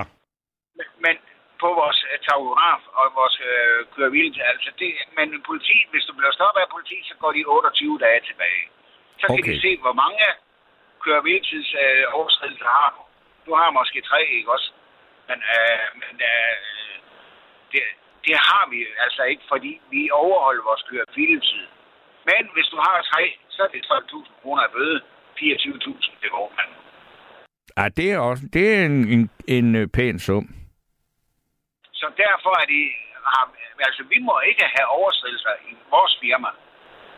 Nej. Nu, øh, og, og det er så lige meget, hvilken firma jeg kører for. Det, det, det, det skal vi ikke. Men her har vi fået at vide, vi har ikke overskridelser her af vores køreviltid. I skal passe jeres køreviltid. Godt, men ved du hvad, Johnny, jeg vil sige mange tak for dit øh, indlæg omkring øh, retfærdighed og personlig uretfærdighed, øh, fordi det er jo, øh, når de her situationer opstår, så er der jo som regel noget mellem to mennesker, og for eksempel i, din, der, i dit tilfælde, så er det øh, noget, der opstår for eksempel mellem en cyklist i mørke og en chauffør i en lastbil. Men tusind tak skal du have for dit... Øh, ja, Hurtigt. Det er vores øh, regering, de har lige sagt, at de vil fjerne vores bededag. Ja, Men, jeg øh, tror faktisk, de har gjort det. De har Ja, de vedtaget. gjort det. Og, og, og, og ikke nok med det, fordi vi kører jo øh, de antal timer, vi må have lov at køre, fordi lastbilen skal være rentabel. Ja.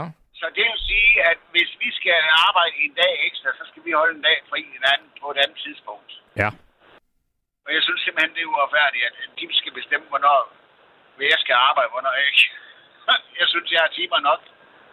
Det kan du da med ret og rimelighed sige, at du synes, det er urimeligt eller uretfærdigt. Det er jo sådan set, det er jo beslægtet. Ja. Så, men det er også, at det er dem, der laver reglerne, at du må ikke have alle de timer, som du, øh, vi, vi kan have, ikke også? Så du er nødt til at skal hjem og holde nogle fridage for, for at afspacere de timer, du har, når du er på arbejde. Så, så er det også uretfærdigt, at de kommer med en ekstra dag, vi skal på arbejde. Ja. Men det var bare lige det, Tom. godt, jamen så skal du have øh, tusind tak øh, for snakken, og så øh, må du øh, køre godt og trygt og sikkert rundt i din lastbil i nat. Jo, tak, og jeg skal nok prøve at passe på cyklisterne. Ja, det, det, det er jeg ret sikker på, at du gør. Så er det. Ja. Ja. God nat til jer alle sammen. Ja, i lige måde. Hej. Hej. Så øh, skal jeg lige læse nogle sms'er øh, ind til den næste, der har ringet ind til 72 30 44 44. Det, jeg ved ikke, hvem det er, men jeg kan se, at Cecilie Clara Cecilie Møller, hun taler med dem. Øh, og så er der en her, der skriver, øh, og det er noget, der rækker lidt tilbage til den forrige samtale, måske den med Mathilde. Øh, og øh, der, der står, hvad er det for noget indirekte tvang, du indførte? Du rakte din hånd frem død hurtigt. Indirekte tvang du hende til uden omtagne at sige tak til din fremragende hånd. Ja, det er så en beskrivelse af noget, der nærmest minder om et overgreb, øh, synes jeg, at øh, den måde, jeg sagde goddag til øh, øh, Clara Cecilie i går.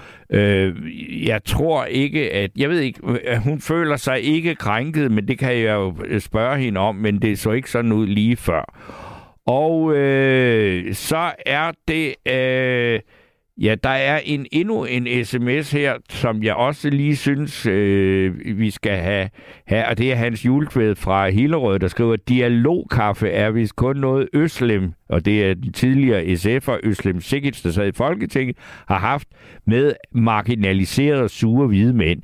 Det kalder jeg for negativ selektivisme, og at hælde etniske danskere ud som slemme racister fordi dem, hun har dialogkaffe med, er som regel nogen, der har talt grimt til hende.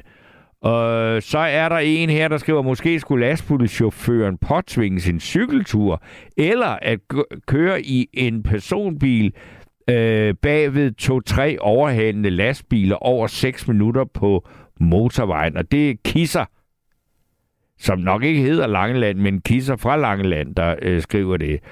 Og øh, så er der David, der skriver, at han fylder også fire bøder, fire biler. Øh, en lastbil svarer til fire biler, må det være det, som David mener. Så derfor er bøden selvfølgelig større. Og øh, så er der en her, der det er Piv Pivs mand. Jeg oplever hver nat, at skal holde ulovligt for at kunne holde min pause. Nu holder jeg også øh, ulovligt parkeret for at holde min pause. 7 i 13 har jeg aldrig fået en bøde. Kys og kærlighed fra ormen, also known as Piu Pius mand. Og så er der en her, der skriver, jeg synes ham, der synes, at lastbilchauffører skal slagtes, skal med ud og køre en tur, så han kan se, hvorfor man gør det. Jeg kører mellem Horsens og Hedehusene, og ham, der, øh, og, øh, ham, der kører øh, 80 kommer cirka 25 minutter senere frem. Jeg forstår så heller ikke, hvorfor man som chauffør lige sænker farten, når man bliver overhalet.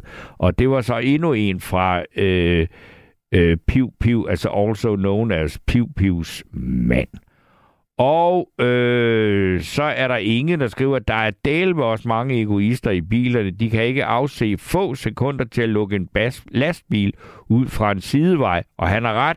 De små de må fandme se at få lys på. Og øh, så er der en, der skriver, har Steno, Fisker og Nielsen produceret i 1919 motorcyklen Nimbus. Blandt andet fik de navne som kakkelovnsrøret og humlebien til brug for postvæsenet og politiet. Ja. Og så er der Tony, der skriver, en scooter må køre 30, skal have forsikring, hjelm, men en elcykel, som kører hurtigere, behøver ingen af delene. Og det er der sikkert også øh, rigtigt, øh, fordi at elcyklen, det er jo først en, et nyere fænomen, og der har man nok ikke rigtig fået tilpasset lovgivningen til, at elcyklen er blevet så øh, populær. Og øh, ja, det var så, øh, ja, og så er der også Jens, jeg tror det er øh, Prutte Jens, øh, der skriver, betjenten sagde, du har ikke noget lys på, du skal stå af og trække. Det har jeg prøvet, det hjalp ikke. Og det var øh, så den bunke sms'er, vi lige... Nå, nu kommer der en her mere, der også en, der skriver, Hej Torben, jeg må bisætte mit sidste familiemedlem tilbage i 14 og er kun i 50'erne. Det kan også føles uretfærdigt, men er blot, blot livets gang. Og det var så øh, fra Pia. Og øh, inden jeg har den næste indringer øh, med mig, så skal vi have et, øh, et gammelt knaksnummer, og øh, det er et nummer, som jeg ved ikke, om den gør det nu, men der har godt nok været meget, mange billeder af nordlys på de sociale medier her, der siger, det her det handler ikke om nordlys, men kun om, at fuldmånen lyser, og det er med knaks.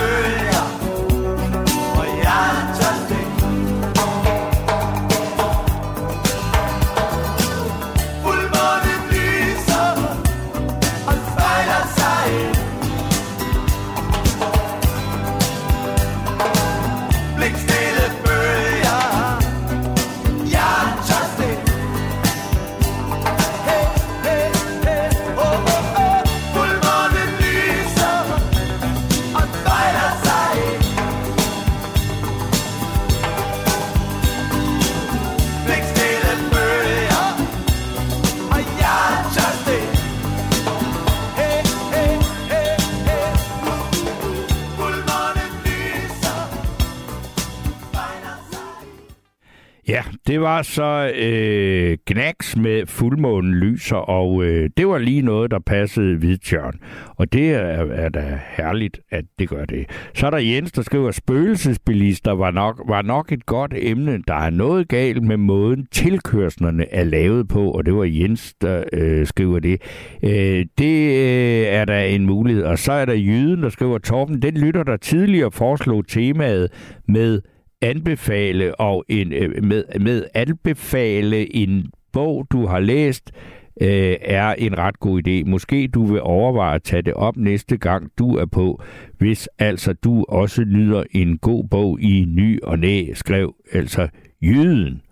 Og øh, selvfølgelig øh, nyder jeg i ny og næ øh, en øh, god bog. Øh, jeg læser også ind imellem sådan nogle bøger, fordi jeg skal, men det er fordi, jeg laver et andet program end det her. Men øh, det kan vi da øh, overveje, men øh, nu vil jeg i hvert fald øh, lade emnet være frit øh, i morgen, for der er det en anden, der har øh, mikrofonen her.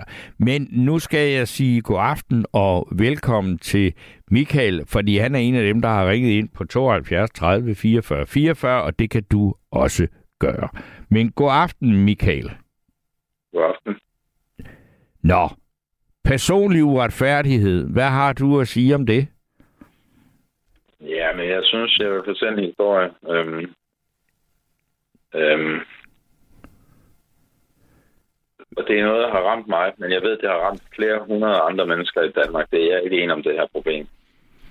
Men jeg har været en person, der har været på det private arbejdsmarked i mere end 30 år, Ja, uden at have en eneste ledighedsdag. okay. I alle de mange år, der går man og sparer op til pension. Det er man nemlig tvunget til, og det bliver kapitalpension og ratepension og sådan noget, så når man er tvunget til af sin arbejdsgiver. Mm. Og så sker der det, at man får en kronisk sygdom, Ja, en blodprop, okay. og ikke længere, og ikke længere kan arbejde. Og så sker der det, så får man sygedagpenge i en meget kort periode, og så bliver man sat på kontanthjælp. Ja, Og så kommer staten og siger, at du er nu tvunget til at hæve din pension med 60% bruttotræk i hele din pension. Så tager de 60% af den pensionsopsparing, man har. Og så siger det, øvrigt kan du ikke få en krone i hverken kontanthjælp eller pension, før du har spist de sidste 40% op. ja, Og det bruger man så 10 år på. Det har jeg gjort 10 år. så spiser man den pension op. Ja. Det sidste, der er tilbage. Og så er der 0 kroner tilbage. Og så kan du få en folkepension. Og det vil sige, de mange millioner, man har gået og sparet op, staten har fået hver eneste øre, og man har intet tilbage af alt det, man har betalt sin egen, sin egen pensionsopsparing. Og det, synes jeg, er hak med uretfærdigt. Og den eneste fejl, man har begået, det er, at man har arbejdet i 30 år og betalt topskat i 30 år. Ikke bare skat, men topskat. Ja. Og så stjæler skat, staten hele ens pension. Det siger, "Nå, men det er jo rimeligt, for du kan jo forsørge dig selv. Det er så efter, de har taget, startet med at tage 60 procent af hele opsparingen. Ikke? Ja.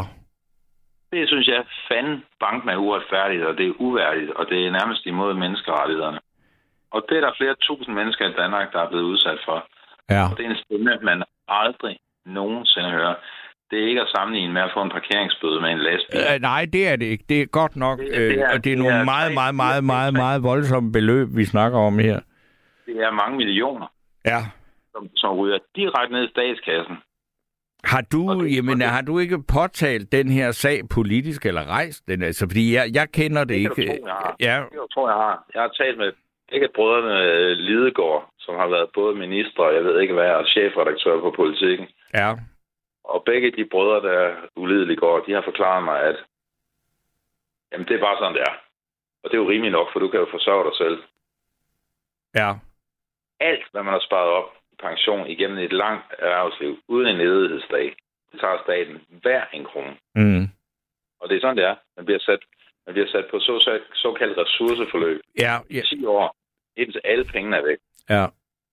Og så er der bare 0 kroner tilbage, og så kan du leve af en folkepension uden tillæg. Altså, jeg, er jeg, jeg, jeg er, jeg er helt øh, chokeret over det, men jeg må også indrømme med min uvidenhed omkring de her øh, problematikker og regler, den, øh, den er uendelig her, så jeg, jeg stoler helt på, hvad du siger. Og at, øh, altså, at brødrene Lidegaard, så man sige, det var der også nogle sære, nogen egentlig måske at drøfte med, ikke? fordi den ene var chefredaktør på politikken, og øh, tidligere øh, departementschef, eller øh, stor, hvad hedder det, øh, embedsmand, øh, blandt andet i, i statsministeriet, og Martin Lidegaard var øh, miljøminister og klimaminister og udenrigsminister, men jeg tæ- altså i et relativt lille parti, men som siger, er der ikke nogen andre partier, hvor du øh, for eksempel, altså de konservative, liberale alliance eller noget, som, som har lyttet til det her? Jo, vil, vil de give mig mine millioner tilbage? Det tror jeg ikke, de vil. Nej, nej, nej. Det, det er, er noget, der er, er ret sikkert. Det er, at, at de penge, der er tabt, de, dem får man ikke tilbage. Men jeg har 0 tilbage. Ja, nej, nej. Og vi snakker om 4 millioner kroner, der røg direkte i statskassen, som jeg under tvang har sparet op hele mit liv. Og jeg er ikke den eneste. Altså, Nej. og ved du, hvad de kalder det? Ved du, hvad Martin Lidegaard kaldte det? Han, kan, han, han sagde til mig i et debatprogram, det er noget, der hedder P1-debat, Ja. Han sagde til mig, at det, vi kalder det samspilsproblemet. Det er også ærgerligt. Det skal vi have kigget på. Men det er så efter, at han har stjålet mine 4 millioner. Ja. Det er bare ikke rimeligt. Det er simpelthen det største tyveri. Det er rent. Hele min pensionsopsparing, 100% af den, den er landet i statskassen. Ja. Og det siger man bare, "Nå, men så kan du bare klare dig for det. Ja. Altså, Ja. det, det vil sige, altså, det du... Det, Det er fandme om statslig uretfærdighed. Det er der ikke nogen normale mennesker, der burde udsættes for. Og det eneste fejl, jeg har begået, det var at få en kronisk sygdom, som gjorde, at jeg ikke kunne arbejde mere. Og jeg har arbejdet som gæst i 30 år og betalt topskat i 30 år. Og så er der ikke en krone tilbage af min pensionsopsparing. Alt er røget i statskassen. Det synes man bare er en bagatell, som man kan... De kalder det samspilsproblemet. samspilsproblemet. Altså, Det jeg har kan... jeg Lidegaard et ord for. Ja. Men, men nu kan du sige, nu er... bare, pengene er væk, og så må du bare leve med det. Men nu kan man så sige, bare, at, det at, gør at, bare, at man lever i fattigdom. at, resten af at det, kommer jo ikke, det kommer helt stensikkert ikke øh, til at øh, hjælpe dig, eller du får ikke dine penge tilbage, men hvis det er så helt vanvittige regler, øh, som, som det du øh, beskriver her, så er man jo nødt til at prøve at rejse det politisk for, at det så ikke kommer til at gå ud for, øh, over nogen, altså øh, over endnu flere. Og der skal man så sige, at Martin Lidegaard, det er jo godt nok, altså hvad skal man sige, det radikale har aldrig været mere, øh, øh, øh, været længere væk fra indflydelse på noget som helst, end de er lige nu. Så det er jo nok øh, nogle andre steder, man skal henvende sig. Ja, men der er jo ikke noget at gøre. Og jeg er sådan set jeg er næsten også ligeglad, hvad der sker med andre. Jeg, siger, jeg prøver bare at fortælle, hvad der er sket med mig. Og det betyder bare, at jeg har gået under tvang og sparet op hele mit liv med selvpensioneringskonti og kapitalpensioner og ratepensioner. Og en, en, en øre var der til mig selv, da jeg blev halvgammel. Og nu kan jeg bare sidde i uendelig fattigdom de år, jeg er tilbage. Og det synes den danske stat er helt fint. Og hvis, altså, det eneste sted, man kunne gøre noget, det, var, altså, det er jo imod menneskerettighederne, det her. Det er jo simpelthen tyveri. Det er jo bedrageri. Ja. Jamen, jeg, jeg er meget, jo. altså, jeg, og jeg kan ikke... Øh, bedrageri. Ja, jeg, jeg, jeg, jeg, jeg sagt, altså min uvidenhed om øh, emnet er, er øh, kolossal. Så jeg, jeg kan ja. ikke rigtig gøre andet end at sige, end, end at det, det du siger er, øh, synes jeg lyder helt, helt, helt vanvittigt, og retfærdigt er det da i hvert fald ikke. Men er der noget, jeg så også ved, det er, altså, at retfærdighed er jo altså mere en, øh, en, et, et ideal. Det er jo ikke noget, altså livet er ikke retfærdigt. Øh, og det, du har så været ud for det her, som jeg synes er, er, er, er, er, er besynderligt også at kalde det for et samspilsproblem. Og som ligesom siger, nå, jamen så er det bare sådan. Altså, øh, det, det er jo helt vildt øh, at, at, at kalde det det nu forlanger jeg heller ikke, at du skal vide alt om det, men du plejer at være en fornuftig og begavet mand, så det er derfor, jeg gider at ringe ind til dig. Ja jo, men, og det er jeg også glad for, at nu er der så andre, der kan, der kan lytte med på den her historie, måske endda også ikke genkendende øh, til, til noget af det. Og der er jo for eksempel David, øh, som var igennem i går, han skriver netop øh, på sms'en nu, ja, du sluttede, altså, i, og det er så mig, han skriver, ja, øh, du sluttede også i går af med, at jeg jo nød af, altså ikke nød, men altså nyde, nyder af skatten, øh, fordi at jeg var sygemeldt med blodpropper. Det skriver øh, David så, ikke? Og så er der Inger C., der skriver på, det er på alle måder hamrende uretfærdigt, når denne uretfærdighed skyldes en sygdom, og indringeren har mistet hele sin opsparede pension. Så det, der fik du så lidt øh, medfølelse, men det er jo ikke noget, der rigtig skæber noget i kassen. Altså, men det er jo, jeg tror ikke, vi kan drive det til ret meget mere her i nat. Øh, det må jeg heller ikke. Nej. Så langt er jeg heller ikke. Jeg synes bare, jeg vil gøre opmærksom på en uretfærdighed i det danske samfund, som er så grotesk. Ja. Og der er ikke mange, der kender til det, men ja, vi har altså tusinder, der er ramt af det. Jeg, jeg, det har også været forsøgt at stable en forening på benene, der kunne... Men altså, man kan jo intet gøre. Men det, det, nej, men man kan ikke... Nej, det, så jeg tror, altså, det, der er sket, kan du ikke gøre noget ved, men man kan jo, altså, ved at prøve at rejse det politiske, eller for eksempel vi måske få øh, en af de øh, store aviser til at skrive om det, at, at, at konfrontere nogle politikere med det, og så sige, det her problem, det bliver man da nødt til at, at kigge på. Og øh, det, man kan så sige, lige nu er der så en, har vi en trepartiregering, som rent faktisk kan vedtage ret meget, hvis de tre partier bare kan blive enige om det.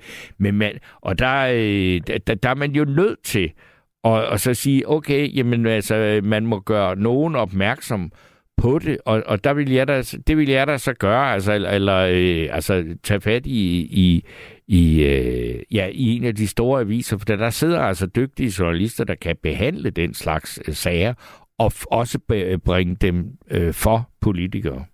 Du har fuldstændig ret. Det skal nok ikke lige være politikken så. Men altså, men... Nej, det er nok ikke... Der vil jeg heller ikke øh, lægge mine øh, kræfter der. Altså, jeg tror, at... Øh, hvad skal man sige? Jyllandsposten Øh, Berlingske kunne godt være nogen, der synes, at det der, det, det lyder helt vanvittigt, og vil, vil gå videre med det.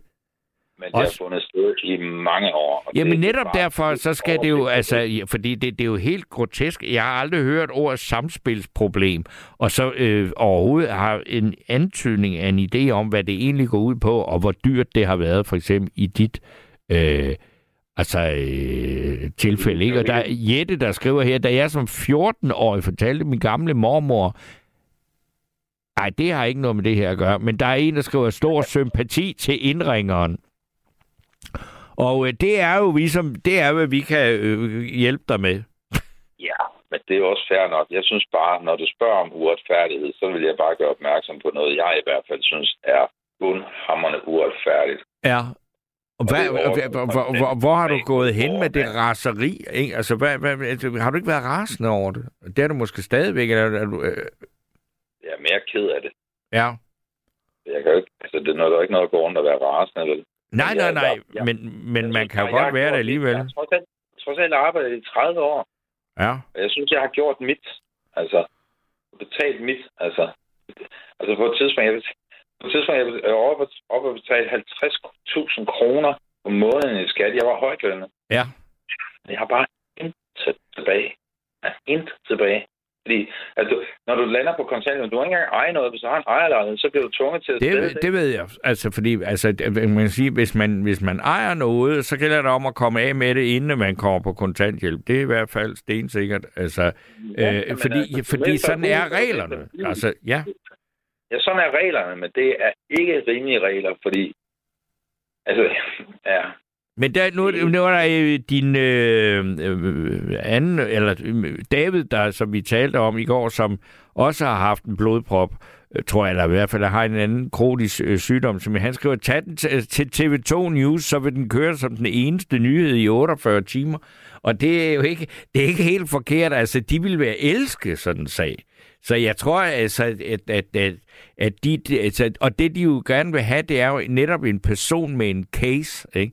Fordi så kan man alle sammen se, om det var det, og det, det, det, som jo sådan set sker nu, når du fortæller om det her, at så begynder lytterne her at reagere øh, øh, på det, ikke? Og, øh, og, og det, er, det, det, det er jo den måde, øh, medierne fungerer på. Øh, og hvis du fik øh, for eksempel TV2 til at tage den her op, så er det da fuldstændig rigtigt, at så, så vil der være nogen, der vil blive t- politisk tvunget til at tage stilling til de urimeligheder, og, og, og, og måske blive afkrævet et svar. Ikke? Og, og øh, det, jeg ved, det er meget nemt, øh, og det er også øh, belejligt at skælde ud på alle vores politikere, men der er altså nogle af dem, der engang imellem er i stand til at ændre noget, der er urimeligt. Øh, men det, er, det bliver nok ikke Martin Lidegaard, men han har heller ikke nogen magt. Så ved jeg ikke, om Michael er blevet sendt ud i den digitale ensomhed. Er du det, Michael, eller hvad? Det lyder sådan, jeg sidder her og taler og taler og taler, men jeg taler ikke med nogen, men på nogen. Og det er det, man kan kalde Radio 4 taler på Danmark, ikke med Danmark. Radio 4 taler på øh, Danmark. Men jeg kan da jo læse nogle sms'er imellem, og indtil da, og der er en, der skriver, hej Steno, det her er da uretfærdigt. Alle børnene gik ud af helikopteren, undtagen Ellen, hun gik ind i propellen. Øh, han har ikke kontaktet TV2, fordi han ikke fortæller hele sandheden, skriver Tony. Det er jo også en mulighed. Det er jo det, der, øhm, altså, men, men det kan, man jo, kan vi jo ikke sidde og afgøre her. Man er nødt til at lægge sine ting frem, kontakte et medie og se, om de vil gå øh, noget videre med det. Og så er der en, der hedder, vi skal have Socialdemokraterne ud af regeringen. Øh, ja, det øh, er jo også et synspunkt. Jeg ved ikke lige, om det har noget med øh, uretfærdighed og gøre. Øh, men øh, der er i hvert fald ikke... Øh, øh, nu skulle Michael være med os tilbage igen. Er du det, Michael? ja. Nå, jeg ved ikke, hvad der skete. Det er en specialitet, vi har her på Radio 4. Det er, at øh, vi i år 2023 ikke er i stand til at holde linjerne med dem, vi taler. Det må du meget undskylde. Ja, men det undskylder jeg gerne. Ja, nej, du skal ikke undskylde. Det er mig, der gør det. Men altså igen, det er typisk, der sker der det 10 sekunder efter, så er der en, der, der skriver til dig, at, at jeg ikke har fortalt hele sandheden. Jamen det er jo simpelthen bare, selvfølgelig har jeg det. Jeg har Ja. ikke nogen grund til at blive at løbe i radioen. Jo, jeg har fortalt sandheden. Nej, ja, eller ja, det tror jeg, det tror jeg også på, øh, men, men, men øh, sådan ved vi jo Jeg er også... til dig for at fylde dig med løgn, det kan jeg garantere for. Nej, det er og, og bare roligt. Altså, det, det beskylder jeg dig heller ikke for. Jeg ved også bare... Det er, bare, det er bare sådan en kommentar, der kommer lige med det samme. Ja, ja. Jamen, det er, han ikke har fortalt sandheden. Men altså, Men ved du er hvad, jeg, nu har jeg været i, i mediebranchen i mange, mange, mange år, og også alle de år, hvor vi har haft sociale medier. Og øh, det, der jo også en gang, nogle gange er interessant ved at lave sådan et program som det her Nattevagten, det er, at der bliver sagt et, og så er der nogle mennesker, der reagerer på det, man siger, og øh, det bliver opfattet på så mange forskellige måder, og der er altid nogen, der vil sige, øh, du er en idiot, eller du er utroværdig, eller et eller andet. Så, så, sådan er øh, vi mennesker bare, og øh, der er altid nogen, som, øh, øh, ja, hvad skal man sige, altså opfatter det, man, det, vi taler om, på en helt anden måde, end det, vi tror.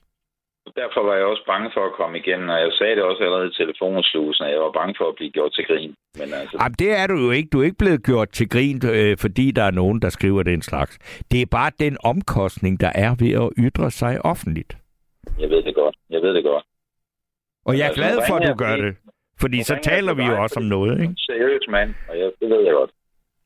Øh, så, så altså, jeg, jeg, og, og det, jeg, du, jeg kan være, du kan være ret sikker på, at de fleste af dem, der har lyttet til det her, øh, de øh, stiller sig, altså de lytter på det positivt, ikke?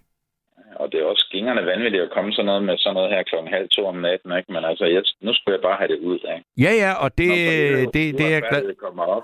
Ja. Så tænker jeg, nu, nu skal det fandme ud, altså. Ja, men det er det så også kommet. Og jeg synes, at øh, du skal, øh, hvad skal vi sige, også tage reaktionerne til dig her, fordi de er positive på det her lige den ene, jeg læste op. Øh, og så, øh, så, så øh, øh, skub den videre til et af de medier, som ja. vi har snakket om, fordi så er der nogen, det, du skal regne med, der sidder også nogle gange nogle, nogle journalister, som rigtig gerne vil have sådan en historie at arbejde med, ikke? Ja, det har du nok ret i, men altså, det kræver kræfter og overskud, og dem har man jo så netop ikke, når man er syg. Nej, men, men du kan, jeg tror godt, du kan... Nu, Tony, nu skriver han så tilbage. Jeg sagde ikke, altså, at, og det er dig, han skriver om, øh, jeg, jeg sagde ikke, at han lyver, men at hele sandheden ikke er kommet frem. Men så kan man så sige, Tony, hvor ved du det fra, og hvad er hele sandheden?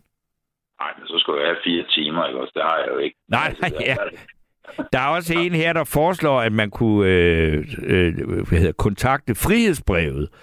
Og det er jo det her nye medie, som Mads Brygger står i spidsen for, og som Christoffer Eriksen øh, er redaktionschef for. Og det er jo et øh, nyhedsmedie, eller et, øh, ja, et nyhedsmedie, som kun laver egne historier. Og det vil sige, at så, Mads Brygger har kæmpe respekt. Jeg har super respekt for Mads Brygger. Ja, det er så, bror, så, så øh, det, det medie kunne du kontakte, fordi de er, øh, det er sådan et medie, som laver den slags øh, historier.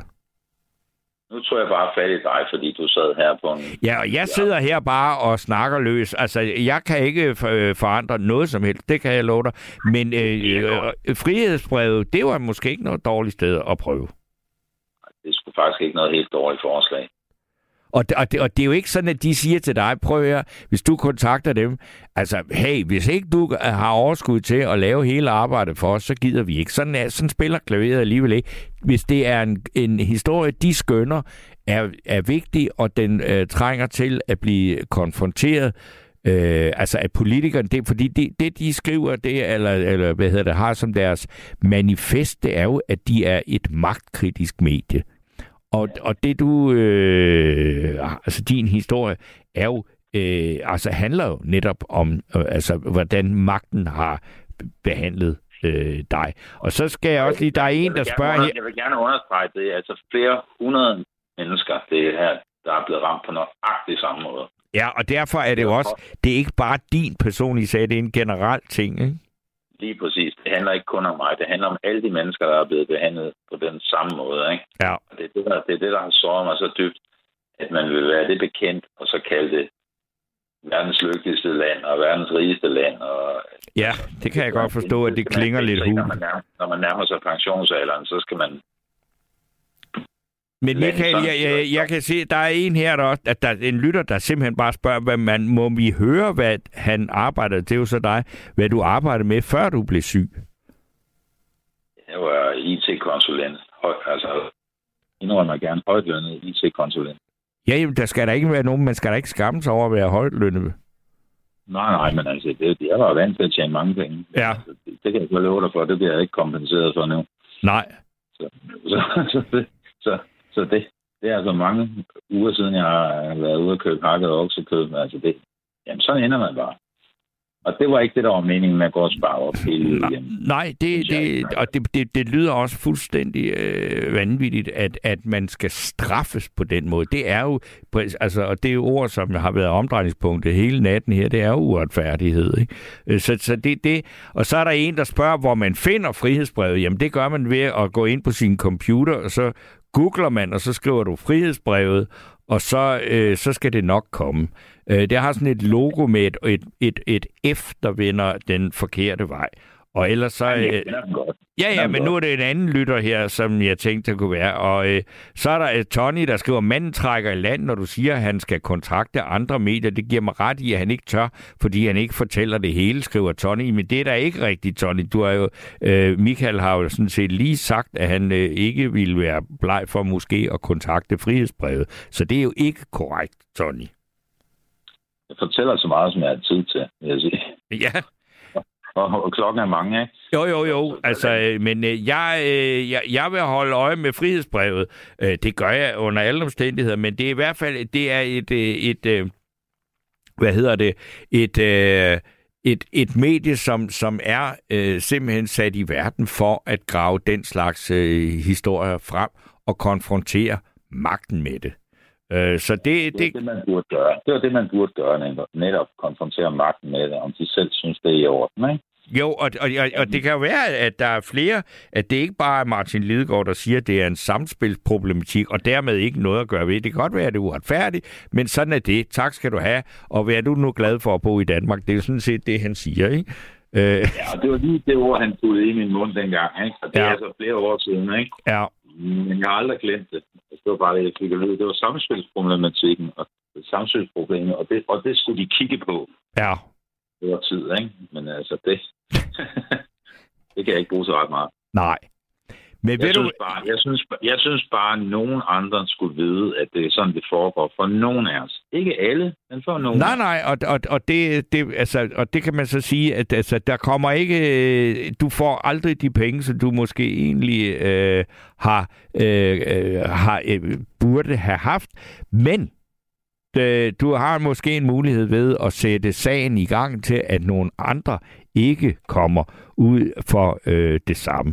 Og der er øh, opbakning her fra Ina, der skriver, held og lykke til Michael, som jeg stoler på, og det var Ina, der skrev det. Øh, og ja, det var så, altså, øh, og så er der noget andet noget her, som jeg ikke helt forstår, så det vil jeg ikke, ikke øh, læse op. Jeg har jo har fået for vanen nogle gange at gøre og begynde at læse noget, som jeg ikke forstår, og så slutte dag. Men Michael, jeg vil sige tusind tak, Ja. fordi du tog mod til dig og øh, fortalte din historie her, og så Ja, håber jeg, at du kan komme videre med den på en eller anden façon. Ja, nu fik jeg taget hul på det. og Jeg, du skal bare vide, at jeg har kæmpe respekt for dig. Det har jeg haft i mange år.